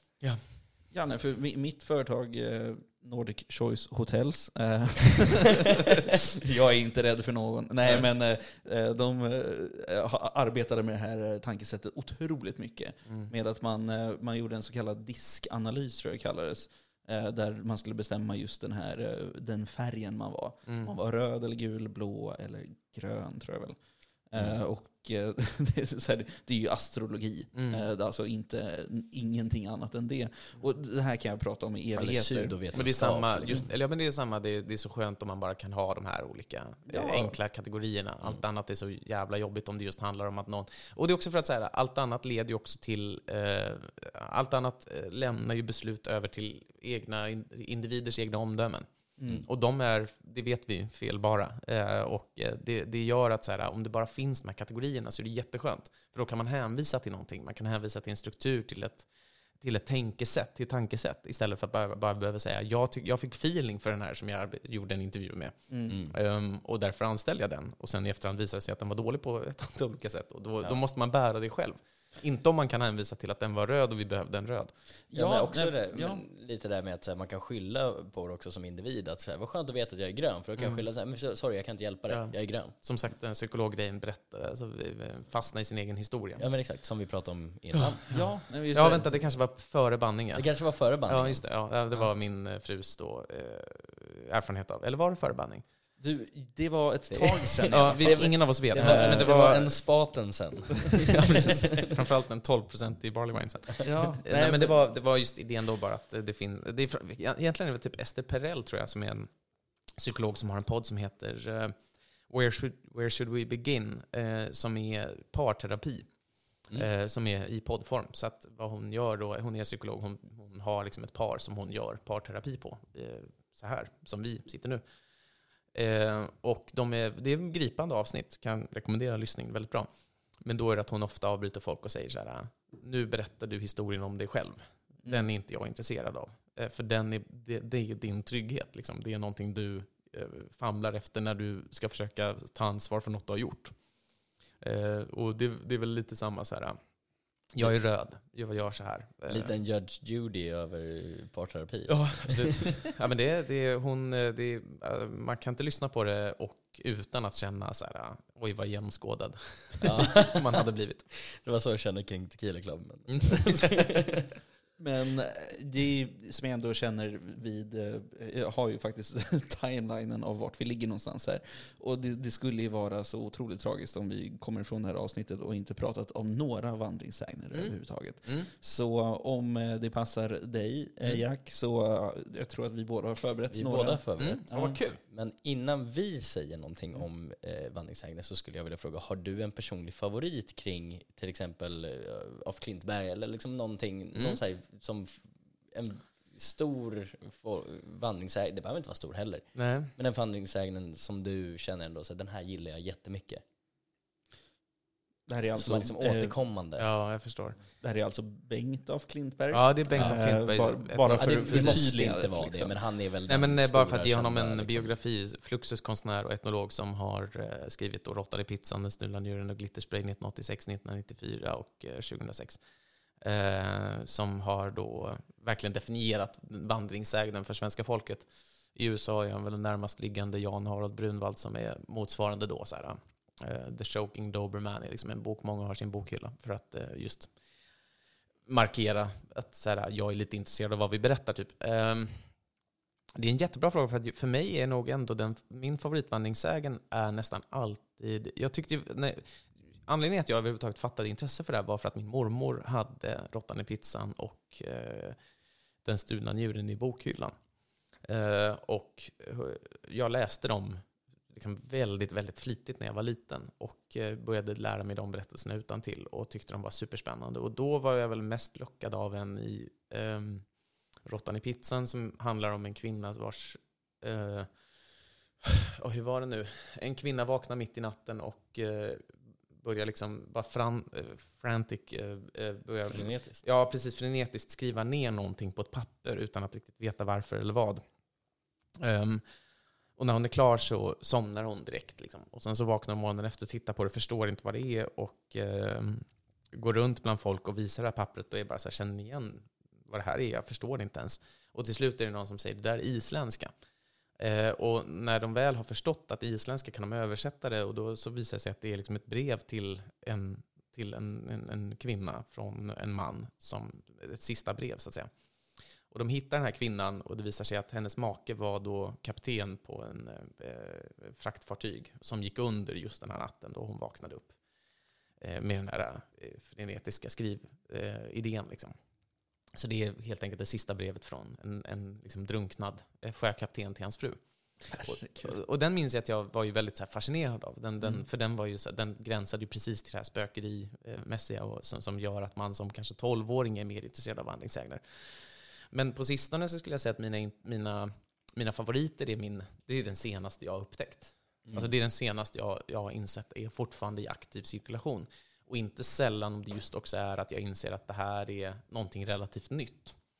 Så att den senaste jag upptäckte som jag skrev om i Svenska Dagbladet häromsistens, det var att det var på ett sånt Instagramkonto som nu tydligen har tagits ner av någon anledning. Eh, tråkigt, för det var roligt som det var ett meme-konto eh, med målgrupp, typ svenskar med invandrarbakgrund.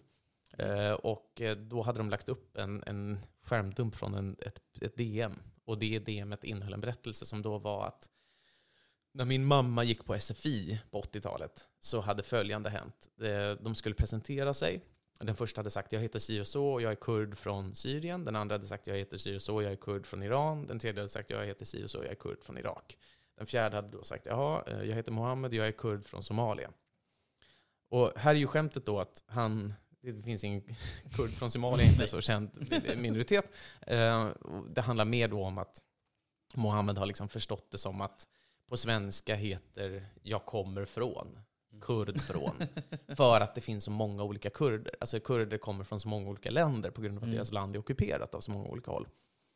Eh, och den här historien, jag tog reda lite på bakgrunden, tydligen någonting som Özz har berättat på standups. Det är mm. Kurdo Baksis pappa eh, säger sig, backupat av hans kompisar, att han var med om det här själv. Å andra sidan finns det en, eh, fler än bara han som säger att han var med om det här själv på alla sätt och vis stämmer det in i bilden av en vandringsägen. Alltså mm. att den berättas som om den var dagens sanning av personer som säger där hände någon som är ett eller två led bort från mig. Mm. Eh, och det jag gillar med den framför allt är att eh, etnologer och vandringssägensamlare har i första hand historiskt varit intresserade av vilka berättelser eh, det är vi som är etniskt svenska, alltså majoritetsbefolkningen, majoritetsbefolkningen i ett land. Det är, det är framförallt deras berättelser man är intresserad av.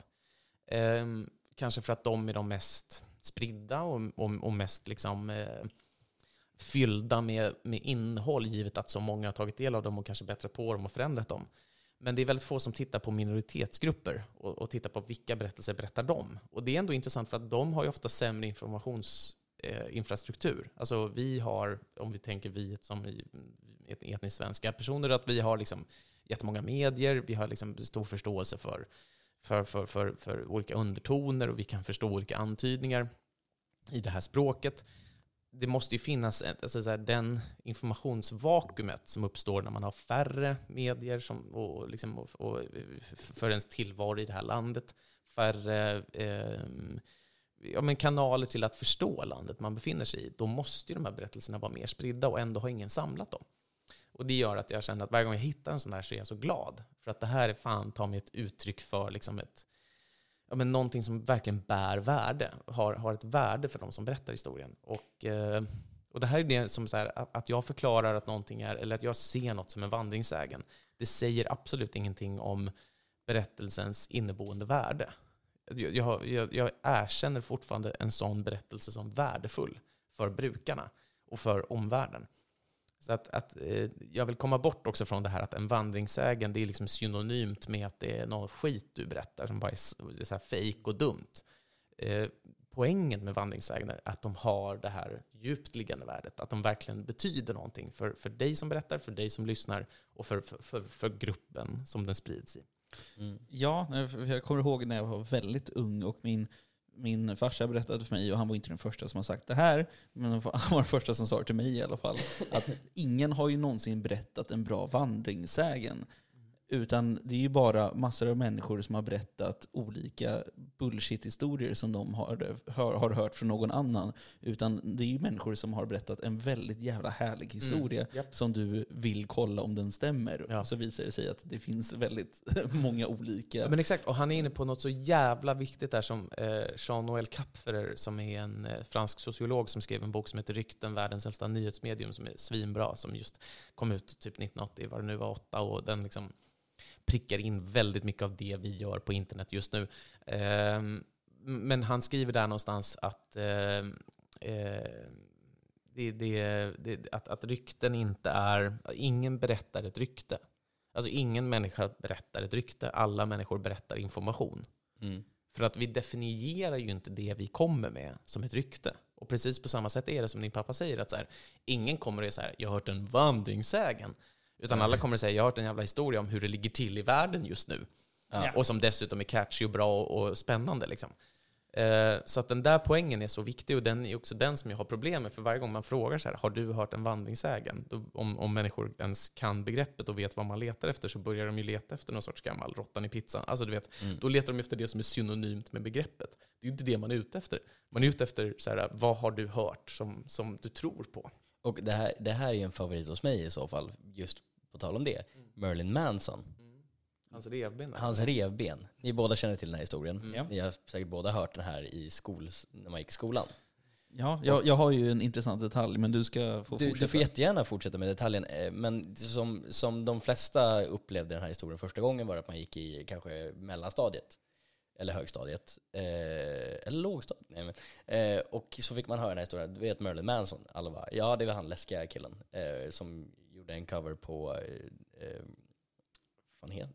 Jag tror att du kan stanna vid ja, det är han den här läskiga Det är han läskiga killen. Ja, ja. Ni, ni som verkar musikintresserade Ja. kanske gick vidare där, så, som gjorde en cover på, men, men det...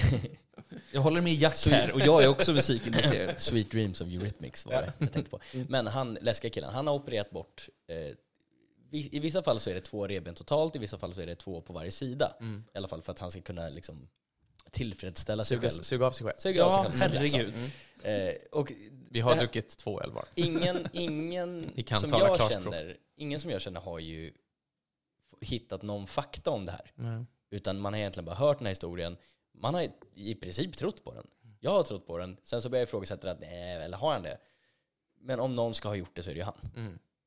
Ja, men det passar väldigt väl överens med, med honom som offentlig figur också. Det är ju liksom, vore inte konstigt om det var hans typ agenter som spred det. Nej. Nej, och det, det är där som jag tycker det intressanta för mig är ju då att, för du berättade om att eh, du hörde den här, hela den här historien för ett bra tag sedan. Jättelänge sedan. Eh, och det var ju inte, men det var ändå inte jättemånga år sedan, för vi har inte känt varandra jättemånga år för den delen. Eh, och, han har inte varit känd så länge. Nej. eh, Alltså, Alltså nu, vi, idag har han varit känd så länge, men när Ja. blev han stor igen? 90-tal. Mm. Sent 90-tal. I alla fall, så det där är ju en historia som har verkligen muterat sig på olika sätt. För eh, när jag hörde den första gången, då handlade det, det var exakt samma historia, på verkligen till punkt och pricka, förutom att det handlade om Elton John. Mm. Nej. Ja. Oh, så intressant. Så det, det är just att det, det är exakt samma historia. Och det är ju, för då sa du bara, men vadå? Alla vet ju att det handlar om Marilyn Manson. Liksom. Eh, och eh, då så bör, jag blev osäker, har jag tänkt fel då? Liksom? Så jag frågade en av mina kompisar som eh, gick i samma högstadieskola. Och han bara, så, så berättade jag liksom utifrån hur du berättar den då, liksom, om Marilyn Manson. Han bara, ah, fast var inte det George Michael? Mm. det bara fortsätter tydligen. Mm. Liksom. Ja. Var inte det Mick Jagger? Ja, alltså, Det, finns en kop- det finns en korrelation till eh, Rod Stewart som ska ha magpumpats på sperma. Okej. Som också är här väldigt spridd, att så här, någon då, ofta Rod Stewart, ska ha liksom tagits in på, det har även drabbat Elton John den berättelsen, eh, tagits in på sjukhus, magpumpats, typ 10 liter sperma eller något sånt ska ha kommit upp. Eh, och det är just så här, det finns, det finns liksom ett antal personer, ofta de som ligger i någon sorts skärningspunkt mellan eh, vad, vi, eh, vad, vad som är socialt normalt och vad som är liksom gränstöjande och spännande. det, är de vi placerar där och sen så fyller vi dem med sperma och eller förlorade revben. Eh, så att, ja, men de här historierna de söker sig till sina, ja, till sina bästa Ja, huvudrollsinnehavare. Verkligen, för det, jag tycker det är, och jag lovar att jag kommer komma till punkten här. Men i, när, man eh, har, eh, när man som förälder har ett barn som har en NPF-diagnos, typ autism eller liknande, eh, så pratar man ofta om i politisk korrekthet så ska man prata people first. Liksom. Så att det ska inte vara att ja, men min autistiska son, utan det är min son med autism. Mm. Mm.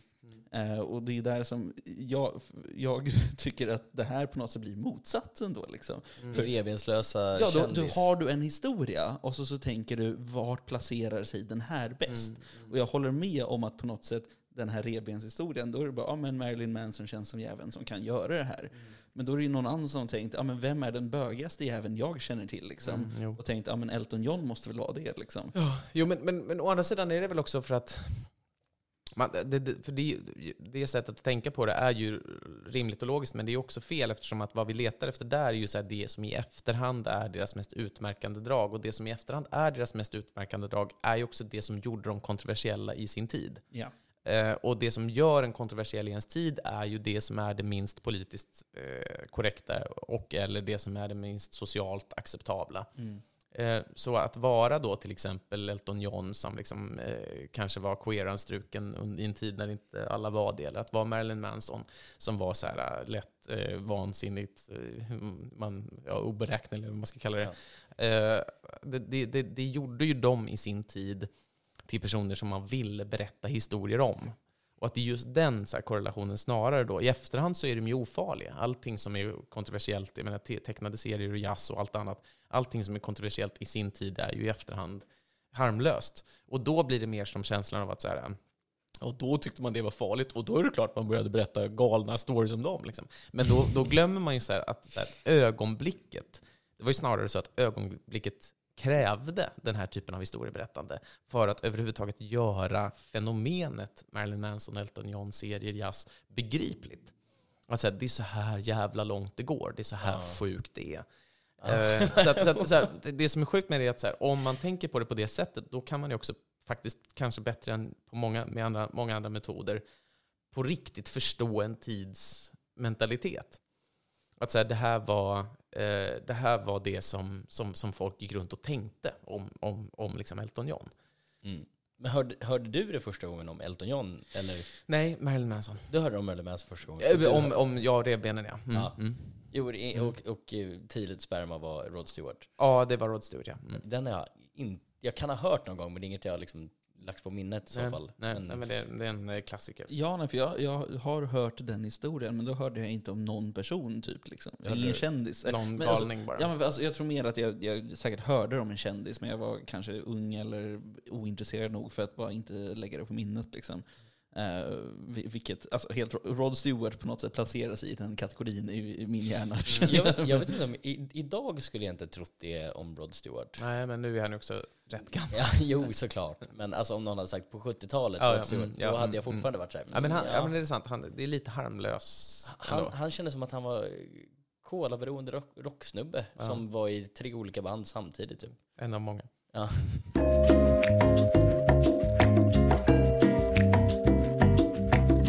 Vart var vi någonstans? Just För vi var på Marilyn Manson, vi hade precis klarat av det. Just det. Så Eh, var det. Rod Så- Stewart Mm. eh, hade 10 liter sperma i Ja. magen.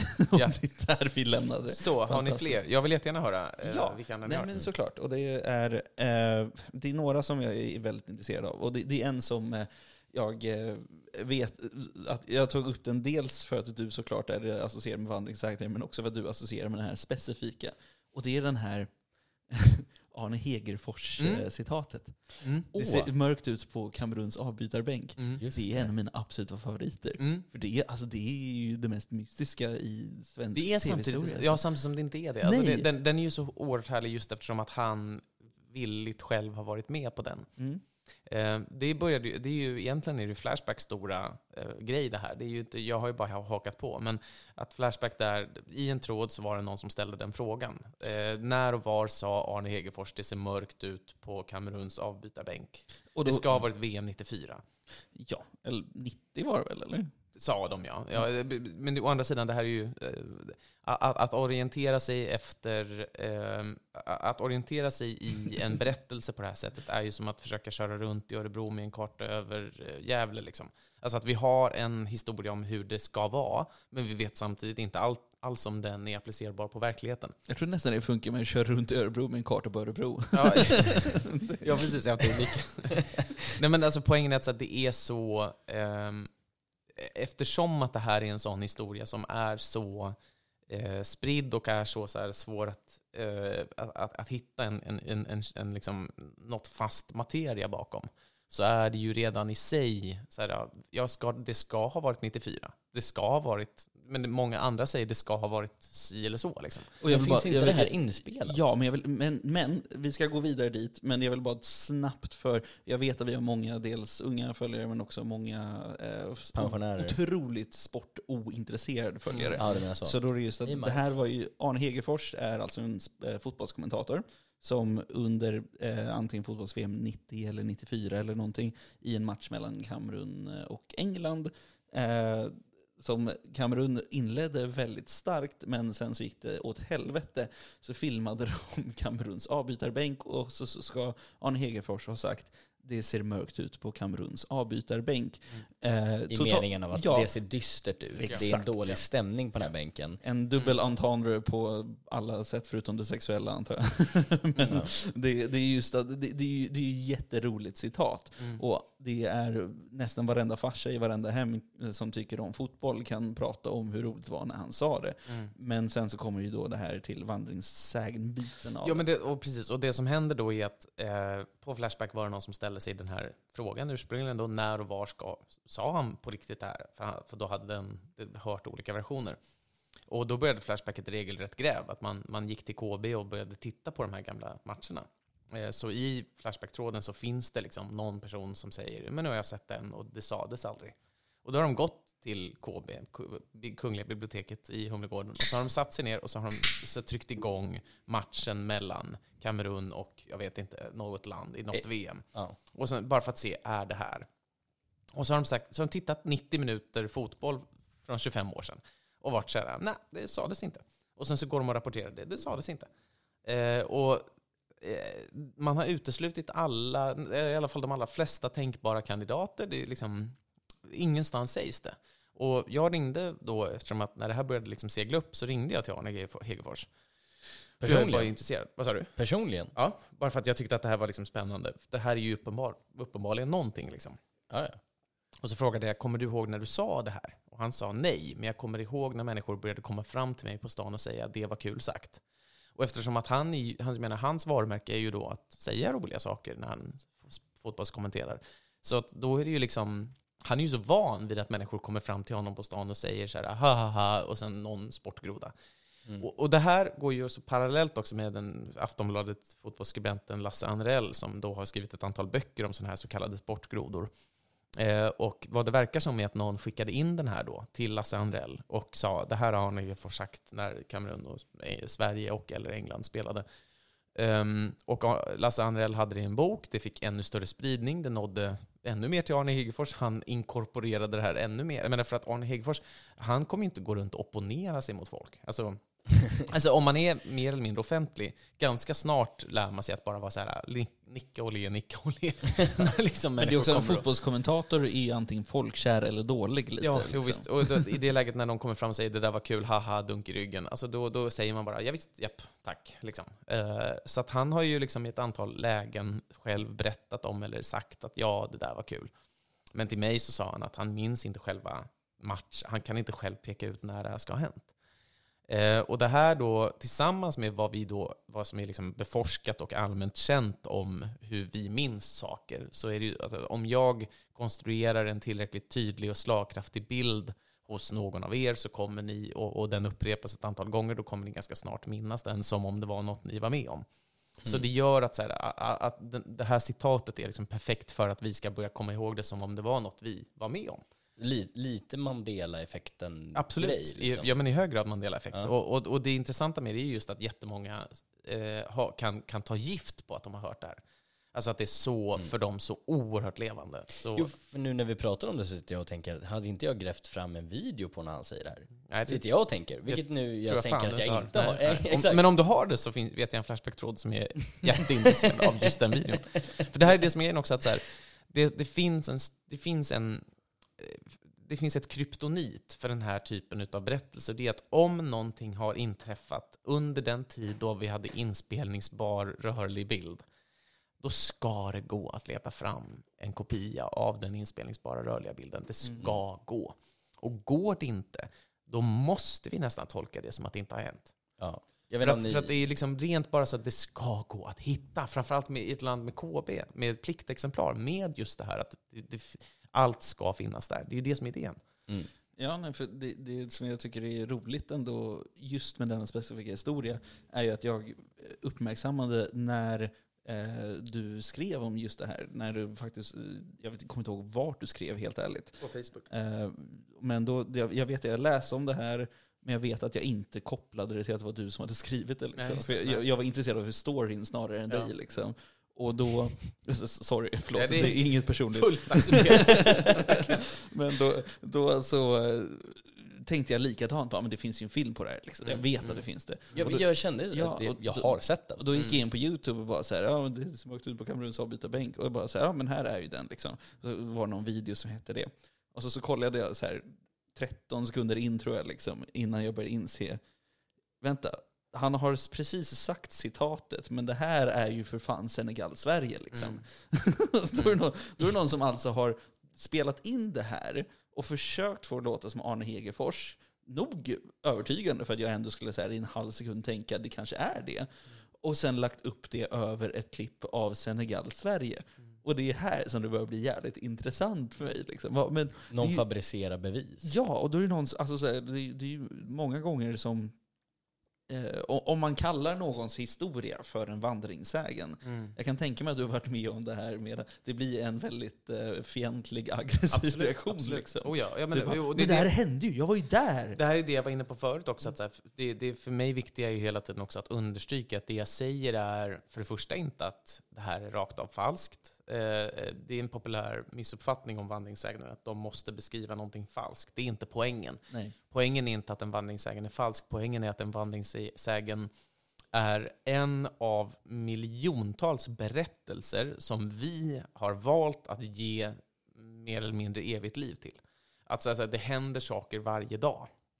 Och vi hade kunnat berätta alla de berättelserna, men vi berättar just den här. Och det, gör, det, det leder då till slutsatsen att det finns ett särskilt kulturellt, folkligt intresse för just, för just den här händelsen. Som, så, och det är ju det intresset som är, som, som är liksom värdefullt att titta på. Varför är vi intresserade av just det här? Men, men sen så är det också att eh, det finns, eh, det är ju liksom inte ovanligt att inom, inom det folkliga berättandet att en berättelse också leder till ehm, ett förverkligande i någon mening. Alltså att eh, berättelsen blir kött. Att, eh, om vi tar det mest klassiska exemplet är väl kanske vässade pålar utanför eh, badbryggor. Just det. Varje år kommer det, varje sommar kommer det rapporter om att nu är det vässade, vässade pålar här och där. Mm. Och man kan dela upp de där rapporterna i två ungefär, där de ena är att det bara är rykten, de andra är att det är kanske ja, gamla, eh, gamla eh, bryggfundament, att det har varit en brygga där förut som har eh, sjunkit, att det är en pinne som har fastnat där. Och I vissa fall är det att någon har satt upp en pinne där. Och i de fallen är det inte sällan för att de har hört just vandringssägnen om det, Mm. att man har inspirerats av berättelsen som sådan. Eh, så att det är också så att de här berättelserna påverkar oss att genomföra dem i verkligheten. Mitt bästa exempel på det, eh, det är en historia som börjar runt millennieskiftet Eh, i USA. Det är en historia om George Phillips i, vid Mississippi-floden som ska ha stått och borstat tänderna eh, i sin villa, tittat ner på sin balkong, eh, på, sin, på sitt garage eh, och sett att han håller på att få inbrott eh, just då. Så han ringer till polisen och säger jag håller på att få inbrott. Polisen säger tyvärr, vi har inga lediga bilar. Sorry. Lägger på. Ringer upp 30 sekunder senare och säger eh, nu behöver ni inte komma längre för jag har skjutit inbrottstjuvarna. Eh, och då plötsligt kommer det fem, sex polisbilar och ambulans och brandbil och allt möjligt. Och eh, poliserna haffar de här inbrottstjuvarna på bar gärning och säger du sa ju att du hade skjutit dem. George Phillips svarar ja och ni sa att ni inte hade några lediga bilar. Mm. Så då, det är liksom en story om här, just den här känslan av att rättssamhället backar inte upp oss eh, när vi blir utsatta för brott, bara när vi försvarar oss fr- från brott. Det, är ju den här, det finns en ganska allmän sån sentiment som många delar. Den historien den spreds i USA ehm, runt millennieskiftet. Den verkar vara grundlös. Det finns inga tecken på att det verkligen hänt på riktigt. Det Ja. tillskrivs en viss tidning, men den har aldrig varit med i den tidningen, den artikeln. Eh, Den översattes och var med i en tidning som heter Polishunden, som jag inte visste fanns. Fortfarande då skulle den ha handlat om George Phillips vid eh, Mississippifloden. Detta var 2008 tror jag. Något år senare så var det någon som la upp den på Facebook och fick 8000 delningar. Men då hade de ändrat så den handlade inte om George Phillips vid Mississippifloden utan om Björn från Hör i Skåne. Ah. Den fick stor spridning, nådde till en trubadurfigur. En figur eh, någon som heter, kallar sig Gris-Nils. Mm. Och Gris-Nils värv är att han så här, äh, åker runt på eh, typ picknicks, alltså så här, allmänna, så här, folk sitter på gräs med kaffe och bulle och tittar på en scen och där sker underhållning. Och hans underhållningsform är att han liksom går från att dra fräckisar till att omedelbart sjunga vacker allsång. Och det är en sån sjuk, jag har sett ett antal klipp från det och det, så här, kontrasten är helt sjuk men den funkar eh, för publiken. Att han är bara så här Först är bara så här, och då sa kärringen stoppa upp den i röven på mig får vi se om den plingar. I natt jag drömde något som jag aldrig... Och publiken är helt med på det. Publiken går från så här haha till i natt jag drömde... Ta, ta andra stämmor liksom. Så det är så här, det, av någon anledning funkar det skitbra. Han i alla fall, Grisnils, hör den här berättelsen. Och han börjar berätta den själv. Om då Björn från Hör. Och sen 2017 så står det då i en tidning i Västervikstrakten att det har varit falskt alarm till polisen. Polisen har ryckt ut till en adress utanför Västervik. Där har en man sagt att han har skjutit sin kompis. När polisen kommer de dit hittar de den här kompisen. Han är bara drängfull. Eh, och den här mannen som har ringt polisen säger kan ni ta bort honom? Han är för full, jag orkar inte längre. eh, och då säger de varför ringde du polisen och sa att du hade skjutit honom? Och då sa han ja, men jag hörde en låt av Gris-Nils. Där det sades att om man, man, polisen kommer bara om man, gör, liksom, om man överdriver. Eh, så att här har vi liksom en historia som runt millennieskiftet falsk spreds liksom i den betydelsen av en historia som, som vi tolkade som att den sa mer om verkligheten än verkligheten själv. Och den blev verkligheten 17 år senare i, i Västervik. Så det här är liksom, det, det, jag, jag älskar den här dynamiken, att så här, vi kan tycka så mycket om de här historierna att vi också gör dem till verkligheten. Ja, nej, jag, jag var så övertygad om att den här historien skulle sluta med, ja, och sen så grundade Gri- Gris-Nils Flashback. Ja. Jag, jag tänkte mer på att jag nästan upplevde det här. Eh, för jag var på väg till, eh, till mitt lokala centrum Mm. för att handla och på vägen så är det en bil som krockar ner en lyktstolpe. Mm. Eh, personen som kör är väl inte riktigt medveten om att de har krockat med bilen utan försöker backa ut och liksom inte märker att det är som hela grillen sitter fast i en lyktstolpe. Mm. Så eh, vi ringer 100, vad är det, 114 14? 114 Jo, ja, precis. Mm. och eh, då är det så här, hej, eh, betjäningstiden är en timme. Du är över, Mm. det här är jättekorkat. Mm. Eh, och då kommer det en gubbe på Vespa, kan man säga, som eh, analyserar situationen, tar sitt gubbinitiativ och bara, det här måste lösas nu, jag styr upp det här. Eh, vem har ringt polisen? Jag, sa, jag sitter i kö en timme. Han bara, nej, 112. Mm. Ringer 112 och säger, är det här är allvarligt? Liksom, ska man klicka 1 eller någonting? Mm. Liksom, ja, det är jätteviktigt. Och så pratar jag med dem och säger, hej det är en herre som har krockat, han verkar vara i chocktillstånd för han fattar inte att han har krockat i en lyktstolpe. Han försöker backa ut och det är, det är kaos på vägen. Kan ni skicka någon? Eh, vilken adress är ni på? Och så efter att jag fortsätter liksom ge information som en vettig person så tar han mobilen från mig och säger Du, det är en eh, elhybrid det här, alltså det kan vara ett elfält över hela stället, det är krock, det är en lyktstolpe. Alltså det är, han gubben med vespan. ja, Ja. tar mobilen och säger att det är, skiten kan explodera när som helst. ja. Och fan, om inte fem minuter senare rullar upp tre brandbilar, en ambulans och två polisbilar. För den här personen som har krockat in i en lyktstolpe. Mm. Och han hade ju rätt. Ja, Han, ljög- över, han menar, ljög överdrivet. Att, ljuga är en jättebra idé om man vill ha. Och då kom Snabb rädd- snabb räddning. Mm. För e- egentligen var det så här, vi, alltså, vi försökte ju bära, alltså lyfta bort bilen så bara Ja, kunde det, hamna i körfältet. det var väl liksom. egentligen inte så. Men han måste ha varit lite Nu, packad. nu är då. inte jag utbildad i det här, men alltså Nej, det, nej. det var inte, men jag har ingen aning. Men det, som du säger, han överdrev Ja, och då enormt. det. Ja. Och då funkade det. Mm. Ja, det, det, det finns ju liksom många länder där man blir liksom grovt bestraffad för någonting liknande. Eh, sen så, Ja. vi, vi eh, Det är ganska lätt att komma undan från också. Alltså, det är ju bara att man ringer och säger det. "Mm, Det brinner, typ. Alltså, det är ju ja, nej, det är ett lätt brott att smita från.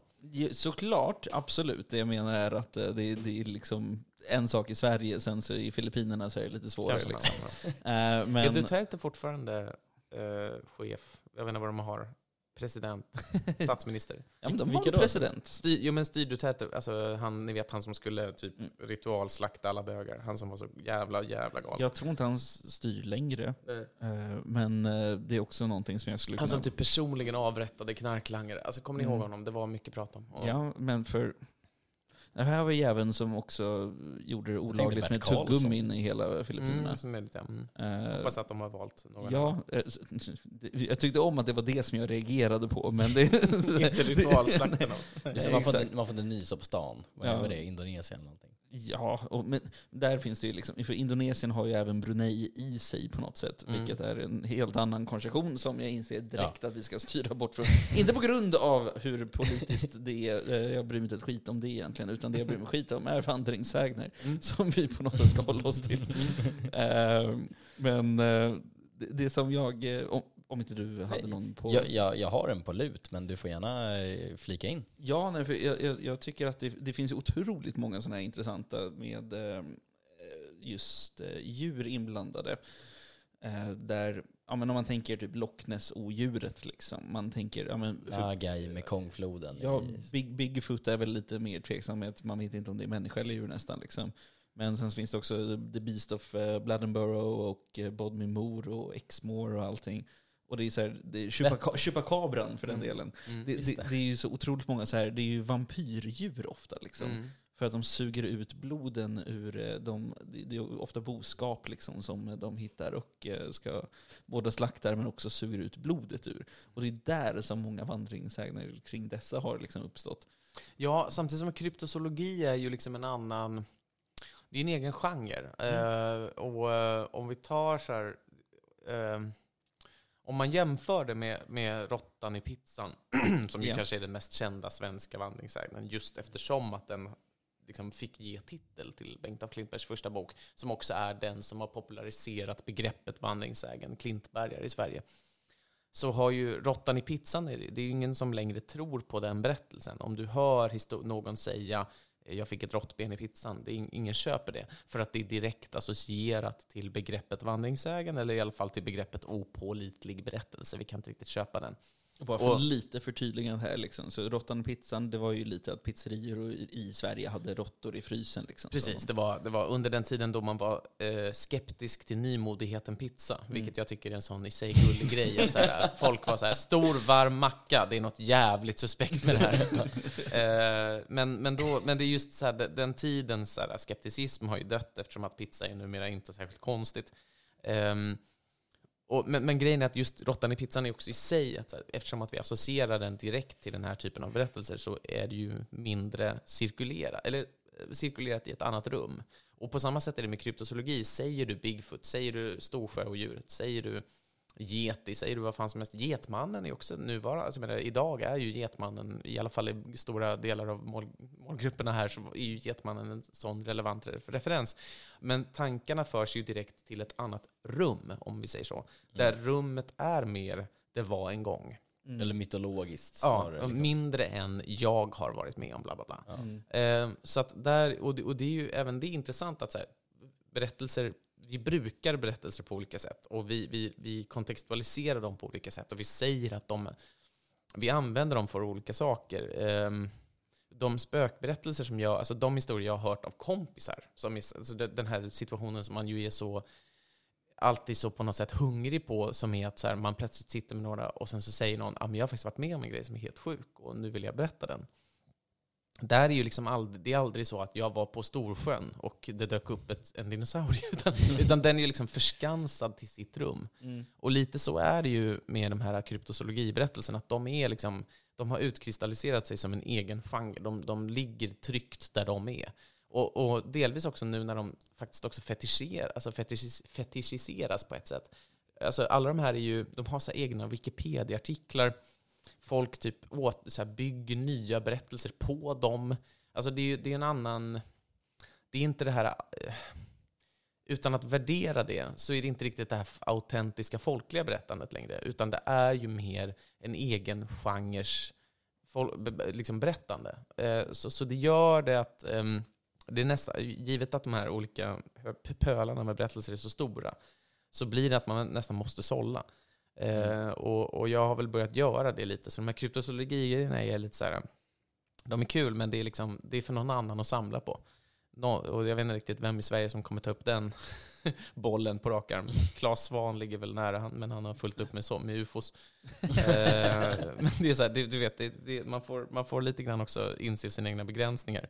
Ja men såklart, det är ju, liksom, det är ju ett nästan oändligt ämne på det sättet. Vi kan ju plocka varsin spade och börja gräva. Mm. Ja, men så här, det är, exakt. För det, det blir just att det, det är, alltså så här, det är definierat men samtidigt odefinierat. I alla fall av många Mm. som på något sätt är in, involverade i att försöka komma fram till eh, botten med sådana här historier. Eh, vi kommer nog inte göra det i alla fall. Nej. Eh, så mycket kan jag väl säga. Men eh, jag tänker om vi går bort från just den aspekten till någonting som kanske är lite mer just vandringssägn definierat. Eh, är väl eh, Li- Little Bastard. Eh, Little bastard. Little Bastard. Eh, det Jag känner, inte han. känner, du känner inte han? Jag känner inte Eh, Okej, nej för det, det är ju alltså... Jag tänkte att du skulle känna till den.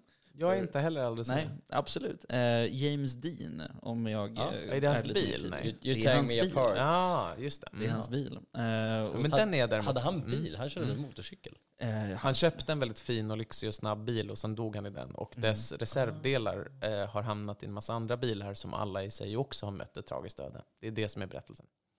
Eh, så Oj. då behöver inte jag berätta den i alla fall. eh, nej, men, nej, för det, det är också att eh, det är nästan allting jag hade skrivit upp i alla fall. Mm. Uttryckt väldigt effektivt. Men det är just att veckan innan han skaffade den, nej förlåt, samma dag som han skaffade den här, veckan innan han dog, Mm. så var han ute och åt middag med Sir Alec Guinness, skådespelaren. Just det, Star Wars. Ja, och eh, det är därifrån du känner igen honom. Eh, I alla fall, så eh, hade de haft en jättetrevlig middag och sen så hade man ju liksom, det är ju valet service som gäller i USA, så då hade bilen kommit fram och eh, Mr, eller förlåt, inte Mr, Sir Guinness hade då sagt det direkt på åh nej, vad är det där? Han bara, ah, det, jag har precis skaffat den här nya bilen. Varpå han svarade, nej, sätt dig inte i den där. Det behövs alltid en, en, en siare i de här berättelserna. Någon som ser hur illa det kommer gå och som Mm. säger det till huvudpersonen. Och så säger han bara, verkligen, om du sätter dig in där och kollar på tiden just nu, klockan är 9.55 på kvällen, du kommer dö om en vecka den här tiden. Ja, okej. The Och- Ring. Jo men Ja. exakt, ja, men, det, men det är det fina att här, The Ring, det här förklar, det, du, du, återigen, det där är att se det i efterhand. The Mm. Ring uppstod på grund av behovet av det där. Mm. Inte att så här, i efterhand att så här, The Ring uppfann det, utan Nej. att vi alla gillar det här. Om du, menar, allt, det här går tillbaka till, så här, prus, till inte, vad heter, inte krusa maj, krösa-major Ja. som säger att så här, ehm, plocka inte den där betan för då kommer den bli din död. Geda mig. Ja, alltså det, det, allt, det, här, är liksom, det här är 150-200 år gamla, eh, det här är hundratals år gamla saker som vi bara har omsatt i liksom, ja, men The Ring. Ja. Eh, och som vi därför känner som The Ring. Men det som jag tycker är intressant i just den här historien är ju att det är Sir Alec Guinness själv som skrev det här i sin biografi. Liksom. Ja, Jag var siaren för hans död. Liksom. Och det, det är där... det är lockande att vara. Ja men det är ju så att du är, alltså så här, det, det här var ju, han släppte den här boken Martyrpalmen högt i Ja, handen. men han Mm. släppte den här boken långt efter hans framgångar, långt efter att han redan blivit liksom massmiljonär. Liksom. Och det, jag, jag är så nyfiken på varför han också kände att jag vill vara den här personen som drar det här ur arslet. Ja, Liksom. men för att det kan, det kan vara Hegerfors-grejen, att folk har gått fram till honom och sagt det. Jag hörde att du sa till James Dean att du ska inte sitta i den här bilen. Ja, okej. Ja. Eh, och att han då säger, till, eftersom att han inte orkar ta det där med varenda jävel som kommer fram till honom på stan, till slut säger bara ja, jo. och sen så är det så här, okej men nu ska jag skriva en självbiografi, vad fan ska jag fylla den med? Det är 250 sidor som ska handla om fucking mig. Eh, min meritförteckning är tre sidor, eller i hans fall kanske tio. Men ni fattar, liksom. alltså, man måste ju Ja. fylla den också. Såklart, men det är också... eh, För jag tycker om teorin väldigt mycket. Och den kan ju också gå över till att han fick höra det från någon och faktiskt trodde på det själv. Mm. Liksom. Oh ja, oh ja, ingen av de här tror jag ljuger. Jag Nej. tror inte Arne Hegerfors ljuger. Nej, nej, nej. Och För, det, och, och det är för att så, här, så fort man börjar prata om sådana här saker så måste man också på något sätt definiera vad är att ljuga. Eh, Eller så här, kan... Det finns, platt, det finns tillfällen då människan, då människan kan ljuga. mm. Och det är när hon vet att det hon säger inte är sant, men ändå säger det för att hon har andra motiv. Men det finns också situationer där vi inte säger sanningen, men vi ljuger ändå inte för att vi inte vet att det vi säger är osanning. Eh, och en, en stor del av dem är just att så här, vi har själva kommit eh, till den punkten där vi betraktar det, berättelsen i fråga som sann. Eh, så att jag, det, och jag tror att Arne Hegerfors är där och jag tror att eh, han kan omvärdera det kanske och det tror jag eventu- eh, även Alec Guinness, för jag vet inte om jag köper det där rakt av, så jag tror att han också hade kunnat eventuellt omvärdera det. Men, men, men liksom, det är inte en lögn som det framställs när det framställs, utan det är då bara, det här är vad jag, det här är som jag förstår den här, det här skeendet. Liksom. Och jag råkade vara inblandad, enligt vad jag har förstått. Ska, jag- ska jag vara ärlig också så tror jag inte någon av dem var nyktra när de lämnade den Nej, här det är krogen. väl precis troligen. Så att om någon säger till han, fan du sa ju åt eh, James Dean att han inte skulle hoppa in i den här bilen. Mm. Sa jag det? Det kan Jag kanske sa det, Ja. jag var ju för sig några Guinness in. Men det låter ju ganska bra att jag, att jag sa att han inte skulle Mm. köra bil den kvällen. Alltså, menar, det, Ja. ja. det var ju gott omdöme av Klappa mig. axeln. Ja, verkligen. Så här, det kan inte gå dåligt egentligen. Alltså, Ja. så här, det, är snarare, det, är dåligt. det kan nästan bara gå dåligt om jag säger åt honom att köra bilen. Ja, kvällen. precis. Får jag hoppa in och Ja, köra. precis. Men, men däremot, det som jag tycker är en viktig skillnad är ju så att Arne Hegerfors, eh, han jobbar som kommentator liksom. Mm. Han gjorde en grej medan han var kommentator. Mm. Och sen så, Han är, kanske också var onykter. sen så är han osäker på om det faktiskt hände. Liksom. Men många Mm. människor säger till honom, du sa det här. Mm. Så här, det, det är ju liksom ofta när jag är ute på krogen så säger jag saker som eh, människor säger typ en vecka senare. Bara, Ja. Du sa det här. Jag bara, Ja. oh, spännande. Jag, jag känner Och redan där igen är det liksom två, alltså, två, två led bort från vad som egentligen hände. Alltså, Ja. jag menar, återigen, det är, Hegerfors-grejen är ju dess, dess styrka och svaghet i att det ska finnas på band. Eh, Mm. Medan i det här fallet så är det ju redan här bara så här, någon eventuellt hörde det. Jo, Mm. då, då blir det just att eh, framförallt är det ju inte en häftig grej som man har uppnått här. Liksom, utan han gjorde på något sätt en kommentar som blev väldigt rolig. Liksom, som så här, man kan nästan göra narr av honom för den här kommentaren. Och Alltså, bara, det, det, säger, Guinness det, det säger i allmänhet mer som... Det säger, Guinness, I Guinness-fallet så säger det ju i allmänhet mer om de som sprider berättelsen än om honom. mm, Eftersom att han är mer då projektionsytan för, för vad, vi, vad vi söker, medan han själv råkar bara vara det. Och sen måste han äga det. Men både inte men både, både, det- förlåt, Förlåt. förlåt. Men det, förlåt mig. det, det är just att det, det som gör mig fascinerad är att det var han som på något sätt började sprida det här själv. Liksom. Nej, det, är inte, det är det min poäng är, inte nödvändigtvis. Alltså, Nej. han skrev det i sin självbiografi, ja, men vem vet hur många gånger han har hört det då? Ja, men det, för det var ju nästan, det var inte en populär historia innan det. Så vitt liksom. vi vet. Så vitt vi vet. Och, Men också som, hur dum kan inte Alec Guinness och James Dean ha känt? Alltså, eh, han åker runt en vecka till i den här bilen som han blev ombedd att inte åka i. Alltså dag tre måste han ha känt, han var nog lite onykter efter krogen där. Mm. Han snackar ju bara skit. Jag åkte tre dagar i den här bilen, ingenting har hänt. Fyra dagar, fem dagar, en ve- och sen så kommer sju, sju- sjunde dagen när någonting händer. Så att, att säga du ska inte hoppa in i den där, så gör han det ändå. Och kör en vecka i sträck i den här bilen Vad är, tills någonting händer. vad är åldersskillnaden mellan Alec Guinness och eh, James, Dean? James Dean. inte, inte jättemycket kan jag tänka mig. Alltså, så Ja, för de var ju båda verksamma under typ 40... James Dean född 31, eh, Alec Guinness Han är ju äldre än så, född, 10 någonting. eh, 14. Ja. Så att vi har ändå en 15-årig åldersskillnad. Då har vi också en situation där vi har en 15 år äldre som är ute och dricker öl på en bar eller äter middag med en ung, fräsig, väldigt het. Mm. Alltså, det finns också en dynamik där. Att han, det är klart att han ville vara den som sa Mm, alltså på samma sätt som jag emellanåt känner att jag liksom i lägen med några år yngre personer vill vara så här. Ni får se när ni blir föräldrar. det där ligger alltid nära till hands. Alltså jag kan tänka mig att det låg nära till hands för honom också. Att vara så här. Eh, du kanske inte ska köra så snabbt med din sportbil, unge junker. Så, ja. eh, för att det är lockande. Alltså, så så att det, är- det är väl också det att så här, det var kosmetiskt eh, snyggt om han hade sagt det. Mm. Gud ja. Nej, det, är, det verkligen gå in Vi, i vi har historien ett bra debunkat det här, här och nu. Ja, det, det, det. Ja, det är svårt att debunka det, men vi har i alla fall eh, vi har framställt argument som är försvårande för berättelsens autenticitet. Så vi får ta och ringa Al Guinness Mm. med en gång. Nej, vänta, han är... Mm, Han 14, han kan inte Han- leva längre va? Han lever väl? Nej, Nej, men hörni. Han Nej, är- 14. Gud, Ja. Han, död, han dog år 2000. Ja. Min googling var kvar. Han han var med i Star Wars. Ja, men, Okej, eh, men du, du hade någonting på lut sa Ja. du? Och det är väl i grund och botten att eh, har ni hört historien om någon som har haft en polare som har varit på ett badhus, hoppat från högsta eh, plattformen, gjort magplask och magen har liksom fläkt upp sig. ja, liknande i alla fall. Alltså om magplask med, med, med, med fruktansvärda konsekvenser. Ja, Mm. eh, och, eh, jag hörde den eh, bara två veckor sedan Mhm. av en kollega i Mm. ny tappning om att det här var på Eriksdalsbadet i Stockholm. Mm. Som någon hade hoppat från, jag vet inte hur högt de har, men tian säger vi. Mm. Eh, gjort magplask och hela liksom, magen hade liksom fläkt upp sig, att det spruckit. Mm. Eh, jag hade hört den i ungdomsåren i, om det lokala badhuset. Och jag frågade även min flickvän om det här som sa att det här, eh, jo men det här hörde jag om i Linköping. Mm.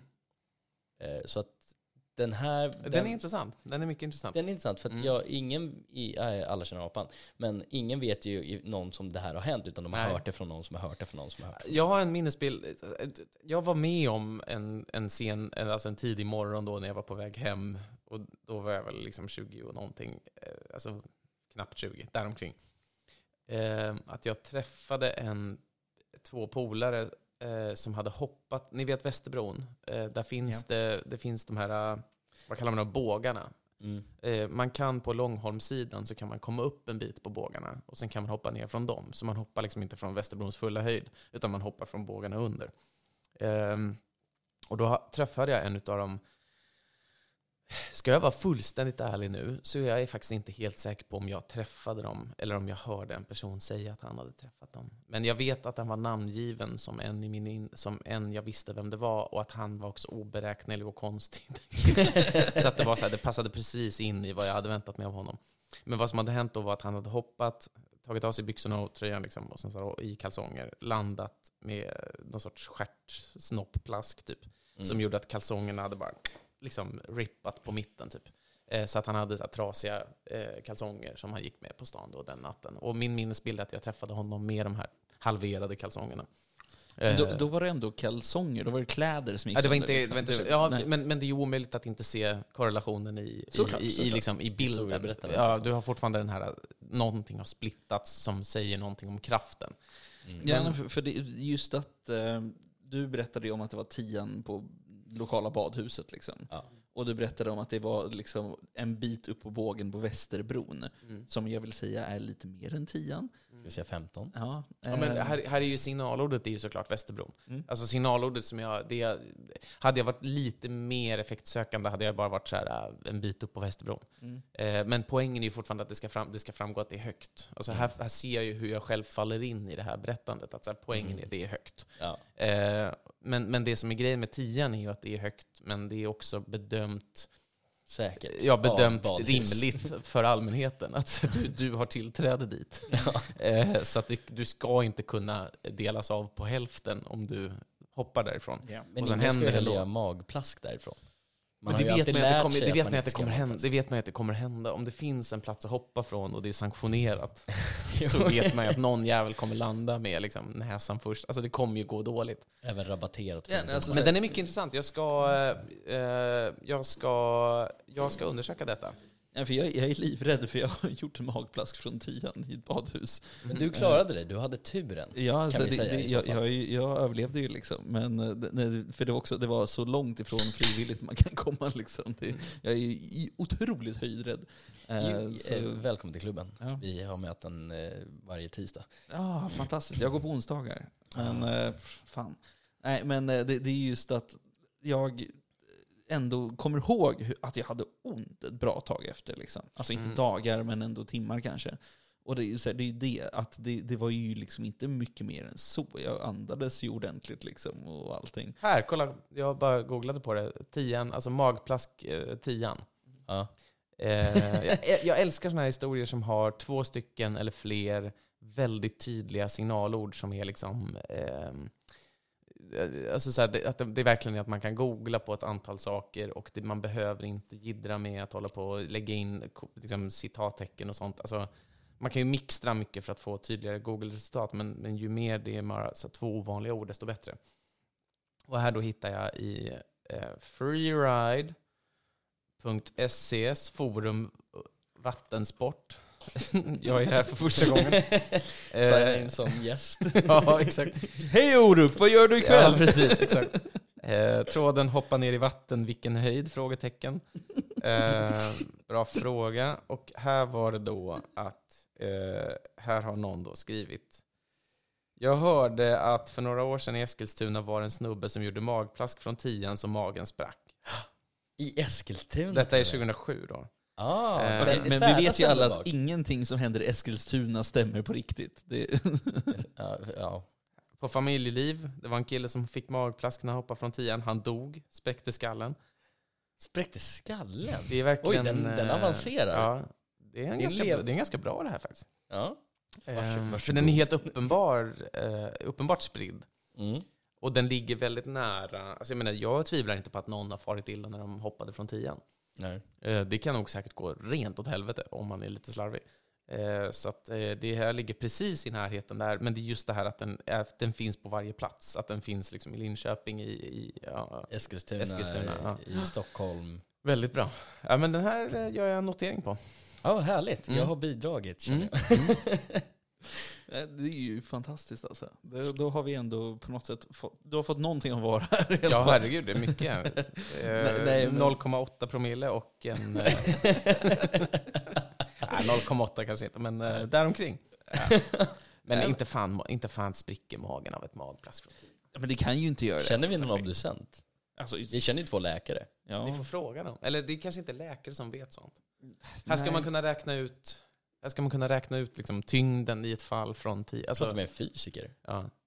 Ja, och då kan vi ju nästan gå in på konspirationsteorier om vi inte väljer att tro på dem. Liksom. Så det Jo, såklart. Mm. men eh, oavsett så... Eh, Men kul. Jag, den, den, vill jag, den vill jag i alla fall ta upp. Mm.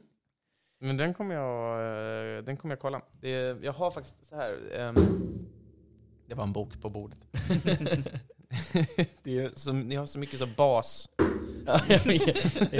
Det är mycket saker i, Vi här, jobbar på studion i, i den här, i den här studion här. som också har en olycklig funktion som basljud. mm, ja. Jo, nej, Very white. Poddstudion är under uppbyggnad. Ja. Ja. Nej men jag har, eh, det är så här då att eh, Bengt af Klintberg gjorde ju sina tre böcker och sen så har jag haft en del beröring med honom eftersom att eh, ja, vi har jobbat med liknande saker och jag har frågat honom om, om det ena och det andra.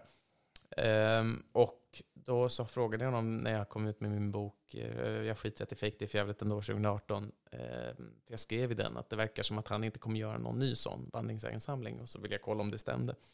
Och då frågade jag honom och då sa han att nej men det är jag klar med. Jag känner att där får du ta över. Och det är ganska stora skor att fylla. Eh, och då, då kände jag liksom där att "Åh, vad jobbigt, det här var 2018, läskigt, hur ska jag typ? Men nu har jag ändå på riktigt börjat strukturera min, mitt insamlande. Liksom. Så nu har jag ett dokument där jag, där jag lägger in alla som jag bedömer är för det första att de faktiskt är spridda och för det andra att de är just nu och att de är någorlunda nya. Um, så att jag har det här dokumentet och här kommer den nog ändå hitta in. Um, och sen, för för jag, jag känner själv inte igen den här från någon av litteraturen. Men, jag, men, jag, men, det, men det bär ju verklighet, verkligen liksom vandringssägnens prägel. Du vet inte hur mycket jag kommer rida den här vågen. Nej, nej, men det, det, veckan. eh, jag kan till och med citera den eftersom, ordagrant eftersom att du sa det på band, så det är väldigt bra. Nej, och det fantastiska med detta är ju att alltså, det, är ju, det är ju mindre än två månader till nästa Tequila Club. Så då, Precis, ja, den storyn får du. du Det var väl också före, före, före rec, eller hur? ja, jo, det var det. Ja. Men eh, det, då kommer du kunna, utan pistolhot, dricka flera tequila-shottar tror jag. Ja. Liksom, eh, baserat på hur hårt du kommer faktiskt rida den här vågen. ja, det här är, det, för att nu rider jag en riktig jävla våg. För jag vann ett musikquiz eh, i förra veckan. Mhm. Eh, som gjorde att jag och min flickvän vann eh, två hotellnätter. Oh. Så det var liksom ett uppsving. Mm. Så nu den här veckan eh, på Downtown Camper, Stockholm, eh, Scandic, vid Brunkebergs torg. Världens sämsta hotellkedja. Vid Brunkeberg, alltså där uppe? På, Mitt emot ovanför, tak i princip. Ovanför, ja där uppe ja. Ja. Ja, just det. Så eh, Finns det T-centralen. ett flådigt hotell där? Det är klart det gör. Världens dyraste vandrarhem. Ja. Kom, finns det no vad har de sagt att de har, så att säga? Eh, det vet jag inte. Vägglöss. Ja. alltså under covid, ehm, i början av covid så var det ett antal hotell som var så här, "Ah, fuck det här är inte bra. eh, och någon av dem, nu kommer jag vara väldigt snäll mot det här hotellet och inte säga vilket, eh, sa vi har en jättekul deal här som är att om ni kommer hit och så får ni, lun- liksom, ni, får middag, ni får övernattning, ni får frukost för den här lilla summan pengar. Och då så sa jag eh, och eh, min fru att vad fan, och sen så körde vi på det. Eh, Och middagen var exceptionellt lame. Frukosten var, eh, alltså att ni vet hotellfrukostidén. Ja. Eh, mm, mm, de kom med liksom ett Vattnig eh, äggröra och... Nej, nej, men, nej, men hotellfrukostidén, då är jag ändå inne på något bra. Alltså, då är jag Ja, ändå okej, inne ja. på något så här lyxigt, välja vad du vill och ta allt och du vet, äta Och det var länge. inte det du fick. Nej, utan det här var individuella serveringar. Att du fick hämta liksom en Mm. liten sån motsvarande SJs eh, frukost om man åker första klass. Att så här, här är en liten samling med prylar typ. Och den var inte så god. Alltså den var inte så bra. Mm. Och det var verkligen, verkligen vägglöss i vårt rum. Eh, som vi liksom, jag insamlade ett exemplar och var så här, hallå där. Eh, Ursäkta mig. Och, och, och, ja, det var riktigt jävla lame var det. Eh, så där kände jag ändå att det kan vara en, det kan vara liksom en, en, en björntjänst där. Med gratis hotellnätter. Det, det här... Skåda hästen i mun där. Ja, kanske. Men också eh, två gratis hotellnätter. Det, var- det, det jag Stockholm. precis sa var... jag vet. Nej, nej, men, eh, Och om du bor i Stockholm så finns det också inte ens den funktionen. nej, jag vet. Men... Två hotellnätter i stan där jag bor. Jag vet, inte, Yeah. Staycation. jag vet inte hur, men jag tror att han källkritiserade ditt, din vinst av musikquiz i Stockholm. Och jag, jag är helt fascinerad av det konceptet. Ja, det, Men, men har ni hört att man kan skada synnerverna eh, så att man ser sämre om man snusar på vänster sida? Nej, den har inte jag hört. Inte Den har jag inte Men hört faktiskt. Jag har inte heller kunnat se den för jag snusar på vänster sida. Mm. Mm, precis, helt suddigt när du försöker läsa. Har ni hört att eh, på Lidl så måste man bära, om, om, man, om man är tjej och jobbar på Lidl så måste man ha röda pannband för att signalera att man har mens?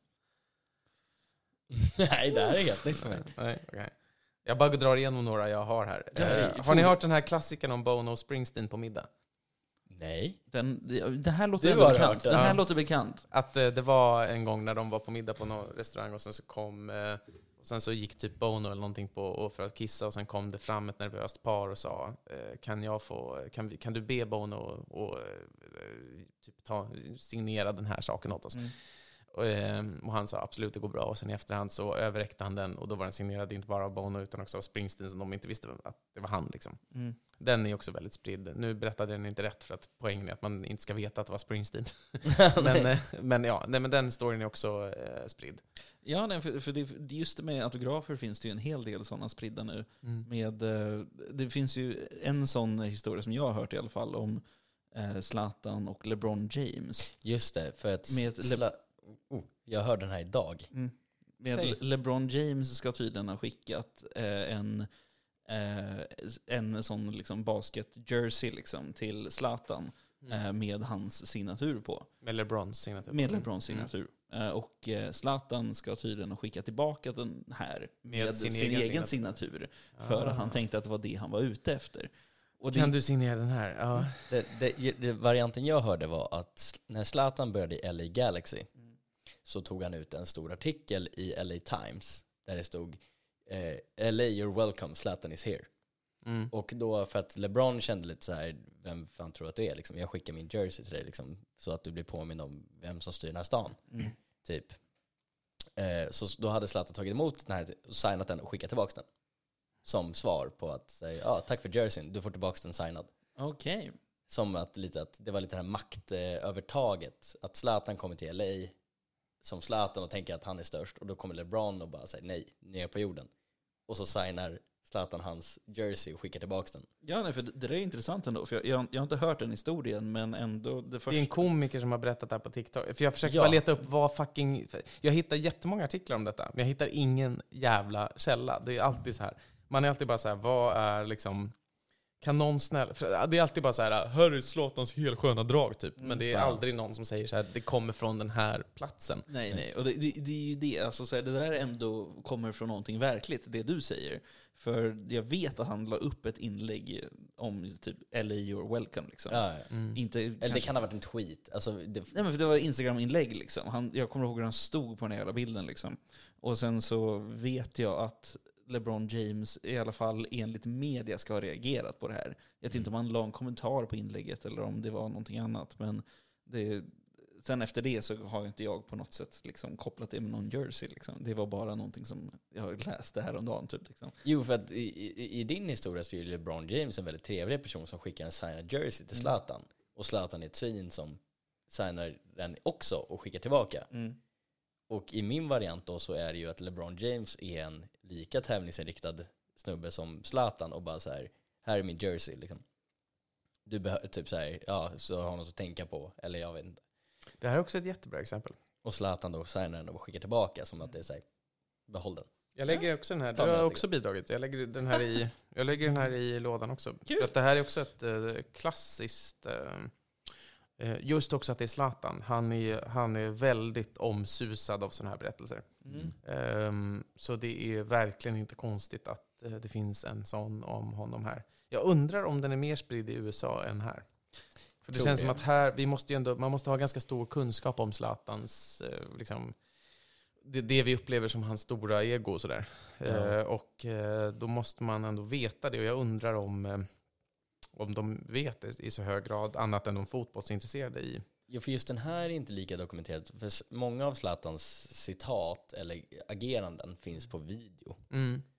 Men just den här har inte jag sett. Jag har inte liksom sett en, någon som har en bild på LA Times-grejen. Jag har inte sett någonting liksom, om den här jerseyn förutom ord. Nej, men det är också att det finns en sån jävla intersection mellan den väldigt amerikanska sporten basket och den väldigt icke-amerikanska sporten fotboll. Mm. Eh, och det är ju det enda sättet de möts på är ju att Zlatan spelade fotboll i LA ett tag. Liksom. Mm. Så det, det, det finns en intressant story där ändå. Det, Men han gjorde även reklam för Samsung samtidigt. Eh, och Visa och nästan allting som gav honom pengar. Liksom. Det, alltså, det, hade, det hade kunnat vara Sibylla där också. Liksom. Det, Det är liksom det här, det här är källan till. Det, här, alltså det är bara klipp där folk sitter och berättar det här. Men det Mm. finns ingen, det finns ingen liksom hänvisning till någonting mer. Folk bara Nej. sitter och säger det här hände. Mm. Vilket är väldigt spännande. Ja, det, men det är också bara så otroligt. Så här, nu har jag hållit på med det här i åtta fucking år. Så jag borde inte vara förvånad. Men det är fortfarande att man är bara så här, va, hur kan det verkligen funka? Alltså hur kan det vara så att om jag gör ett YouTube-klipp där jag säger så här, "Eh, har du hört att ehm, Ulf Kristersson en gång tog en sten och kastade huvudet på Magdalena Andersson? Alltså så kommer det funka. Alltså det verkligen Ja. kommer så här, det, det kommer, plötsligt bottnar det då. Men om jag får fråga någonting annat. Snabbt. Mm. Snabbt, Eh, okej. För det här har jag ändå alltid undrat. Mm. Har du någonsin läst och hört en historia, eh, ett, eh, en vandringsägen som du tycker väldigt, väldigt mycket om, men som du kände inte platsade i Creepypodden? Det kan ha varit för läskig eller för... Ja, det, för läskig så. tyvärr. Of- Ofta får jag frågan så här, har du hört någon historia eller läst någon historia som är för läskig för podden? Mm. Eh, och eh, det är lite den här härliga idén om liksom, spökhistorier som att det finns så här, den ultim, alltså, ungefär att det är som så här, stark mat. Att det finns Ja. någonting som är så starkt att du inte skulle klara av det. Liksom. Jo, för du hade ändå Men- en varning i ett avsnitt. Om Jo, det det handlar, 83. och, ja, jag har, jag har haft lite, då och då har jag någon varning och det handlar mer om någon sorts, vad jag upplever som en förväntan. Att, Mm. ehm, jag hatar triggervarningar eftersom att det är ju, jag menar, eftersom spökhistorier och skräckhistorier handlar ju mycket om att det uppdagas allt eftersom någonting. Alltså det, det, den, som, den som klargör från början vad en skräckhistoria exakt kommer innehålla förstör ju också skräckhistorien. Så att det Mm. går ju inte att ha, alltså det är systematiskt fel. Ehm, men, Det är ju men jag måste ändå, egentligen, liksom. Ja, det, är ju, det, är ju, det dödar poängen. Eh, men jag måste ändå ha det i vissa fall eftersom att jag vet, alltså så här, till exempel djur som far illa är ju en oerhörd sån. Alltså då vet jag att människor kan ligga gråtande hela natten. Typ. Så att man måste ibland vara så här, okej jag förstår att här, min, min tycker jag då, rätteliga princip måste här lite grann liksom falla undan för vad som uppenbar, alltså rent utilitaristiskt, vad som gör mer skada. Mm. Ehm, men jag har aldrig hört någon historia som är bara så läskig. Alltså, om vi utgår från att den inte är typ eh, för gorig eller för, eh, jag vet inte, för så här, Vulgär i sadi- vulgär eller sadistisk eller alltså sånt. Jag har aldrig hört en som är så för läskig. Hade jag hört en som jag tyckte var för läskig så hade jag haft med den i nästa avsnitt. Mm. för att det är klart, alltså det jag vill jättegärna ha en historia som är för läskig. Ehm, men, men vandringssägner är ju just att så här, de jag hör då, de, de, de, som ni märker, de jag går igång på är ju inte de spökiga, utan det är ju de som är verkligen ett uttryck för någon sorts allmänt vardagligt, ja återigen vardagligt gemenskap, gemensamhetsskapande. Ja, så det första avsnittet av Creepypodden var om Black Eyed Children liksom. Mm, mm. Och det är ju det är inte så mycket spöklikt och läskigt som att bara, så här, det här känns Har ni som- hört att det finns typ? Ja men verkligen. Det Folk så här, tycker ja, i och men- för sig fortfarande att det är det läskigaste avsnittet vi har gjort, vilket jag känner är lite så här 210 avsnitt senare. Att så bra att jag hade Nej, kunnat jag nöja mig med det. Pikade jag- tidigt. Jag tyckte övertid var ett av de läskigare. Ja, Eh, mm. Det med alltså när de eh, på kontoret där det... Nej, det var väl någon på biblioteket, Stadsbibblan. Jag har gjort flera Någon som vakt som tangerar det temat, men ja. Ja. precis, det finns någon sån också. Ja. Mm.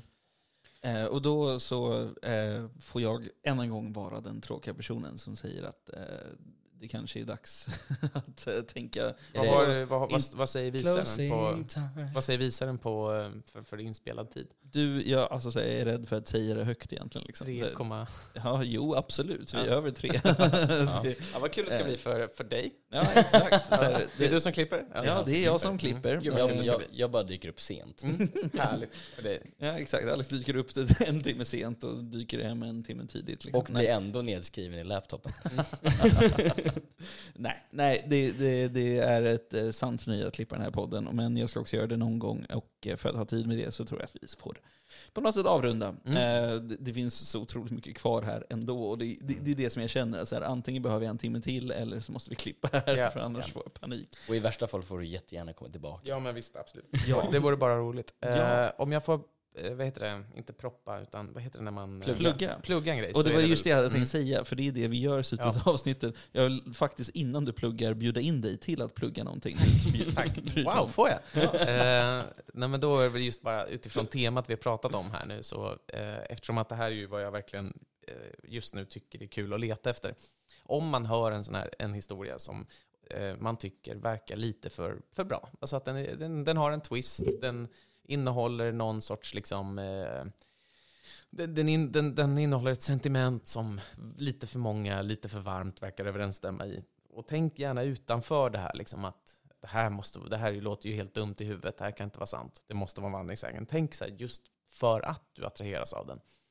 Så får ni jätte, jättegärna tipsa mig, för att som sagt, jag samlar och eh, det kommer bli en bok. Eh, och eh, det, det handlar bara om att jag ska få ihop en kritisk massa. Så då kan man eh, mejla mig på eh, vandringssagen kvasbeb.se och eh, det kanske ni skriver ner för det är lättast så. Annars kan man bara googla på mig. Det, googlar man på Jack Werner så hittar man mig ganska enkelt. Och det finns en kille till, han bor i Alingsås och han är 50-årsåldern. Han är inte jag. Så det finns bara en som heter som jag utöver han och ja, det, ju, det underlättar. Ja, verkligen. Även för, det är väl den sista avslutande frågan kanske som jag vill ta på precis på slutet. Eh, Kvassbeb, Mm. va? Mm, ja, det, det kommer från eh, en, eh, en tid i gymnasiet då jag ville ha ett ord som var mitt på internet. Eh, och jag hade dessförinnan använt det superdumma TOW, TOW, tills jag insåg att det var en typ av missil. Så det var absolut inte mitt, utan det var en missils. Och sen så var vi på en hemmafest hos en parallellklassperson. Och han var lite snål så att man fick eh, bara ett plastglas var att ha sin medhavda sprit i. Och då skulle man därför tejpa på isoleringstejp och skriva sitt namn på varje enskilt plastglas. Så då gjorde jag det, men eftersom jag skulle vara så jävla kul som jag alltid är så skrev jag inte Jack utan jag skrev Knasper. Superroligt tyckte jag. Och sen så tappade jag omedelbart bort det här plastglaset och sen så drack jag upp världens vodka och sen la jag sockerärtor under hans kudde. För det fanns sockerärtor i hans kyl och jag var i hans säng. Eh, och eh, då så gick vi hem sen senare den kvällen och jag hittade det här plastglaset på vägen ut. Liksom. Och då hade någon ändrat det så att istället för Knasper så stod det Kvåsbeb. K-W-Å-S-B-E med apostrof B. Och då var jag och mina kompisar, vi hade så roligt åt vem Kvåsbeb var, att det var någon sån extremt drabbad person som hade alla problem man kunde ha. Så vi skämtade om det hela tunnelbaneresan hem. Eh, och sen morgonen efter så vaknade jag med det här plastglaset. och så googlade jag på Kvasbeb och så var det noll träffar. Eh, så då, ja, då hade jag mitt, namn, mitt, mitt internetnamn där. Noll träffar alltså. Mm. Och var så glad att det var en så bra historia. Ja, för det var det jag tänkte. Så här, det, det, det, det är ju all, alla på något sätt typ kändisar är bara så här, jag heter typ så här Aron 11 för det är min son, han är 11 år gammal. Man bara, fuck you. Ja, men det fina med, med att eh, ha ha hållit på så här i just den här tiden, 2008-2009, är ju att liksom, ganska mycket var taget men inte allt. Mm. Så det gällde bara att hitta liksom, en, en, en kombination av bokstäver som var så pass ovanlig att man kunde ha, liksom hijacka den. Och jag tror fortfarande att Grasbeb är verkligen mitt. Jag får ibland konstiga brev från så här, eh, kinesiska mm, patenttroll som är så här eh, Uh, someone in uh, um, Japan is trying to buy uh, the trademark Kvasbeb and we need you to pay us money for us to keep it. Typ. Uh, men nu är det bara jag som uh, än så länge fortfarande ändå bara har det. Så att, ja. Jag vill på något sätt klappa mig själv på ryggen med att säga att min mailadress har siffror. Så ung är jag. Ja, Din mailadress har siffror alltså? Ja. Ja. Det gick inte med att ha bara mitt namn. Nej. Nej, Men såklart. då är det ju, ja då är det unga. Ja. Just det, mm, precis. Ja. ja, hade du varit gammal så hade du, ja exakt. Ja, men det är rätt bra. Mm. ja, Det nej, är någon sorts ungdom i det. Jag har ju det väldigt... Också störigt. Jag har ju det lika ordinära som oordinära, extraordinära namnet Kasper Norman.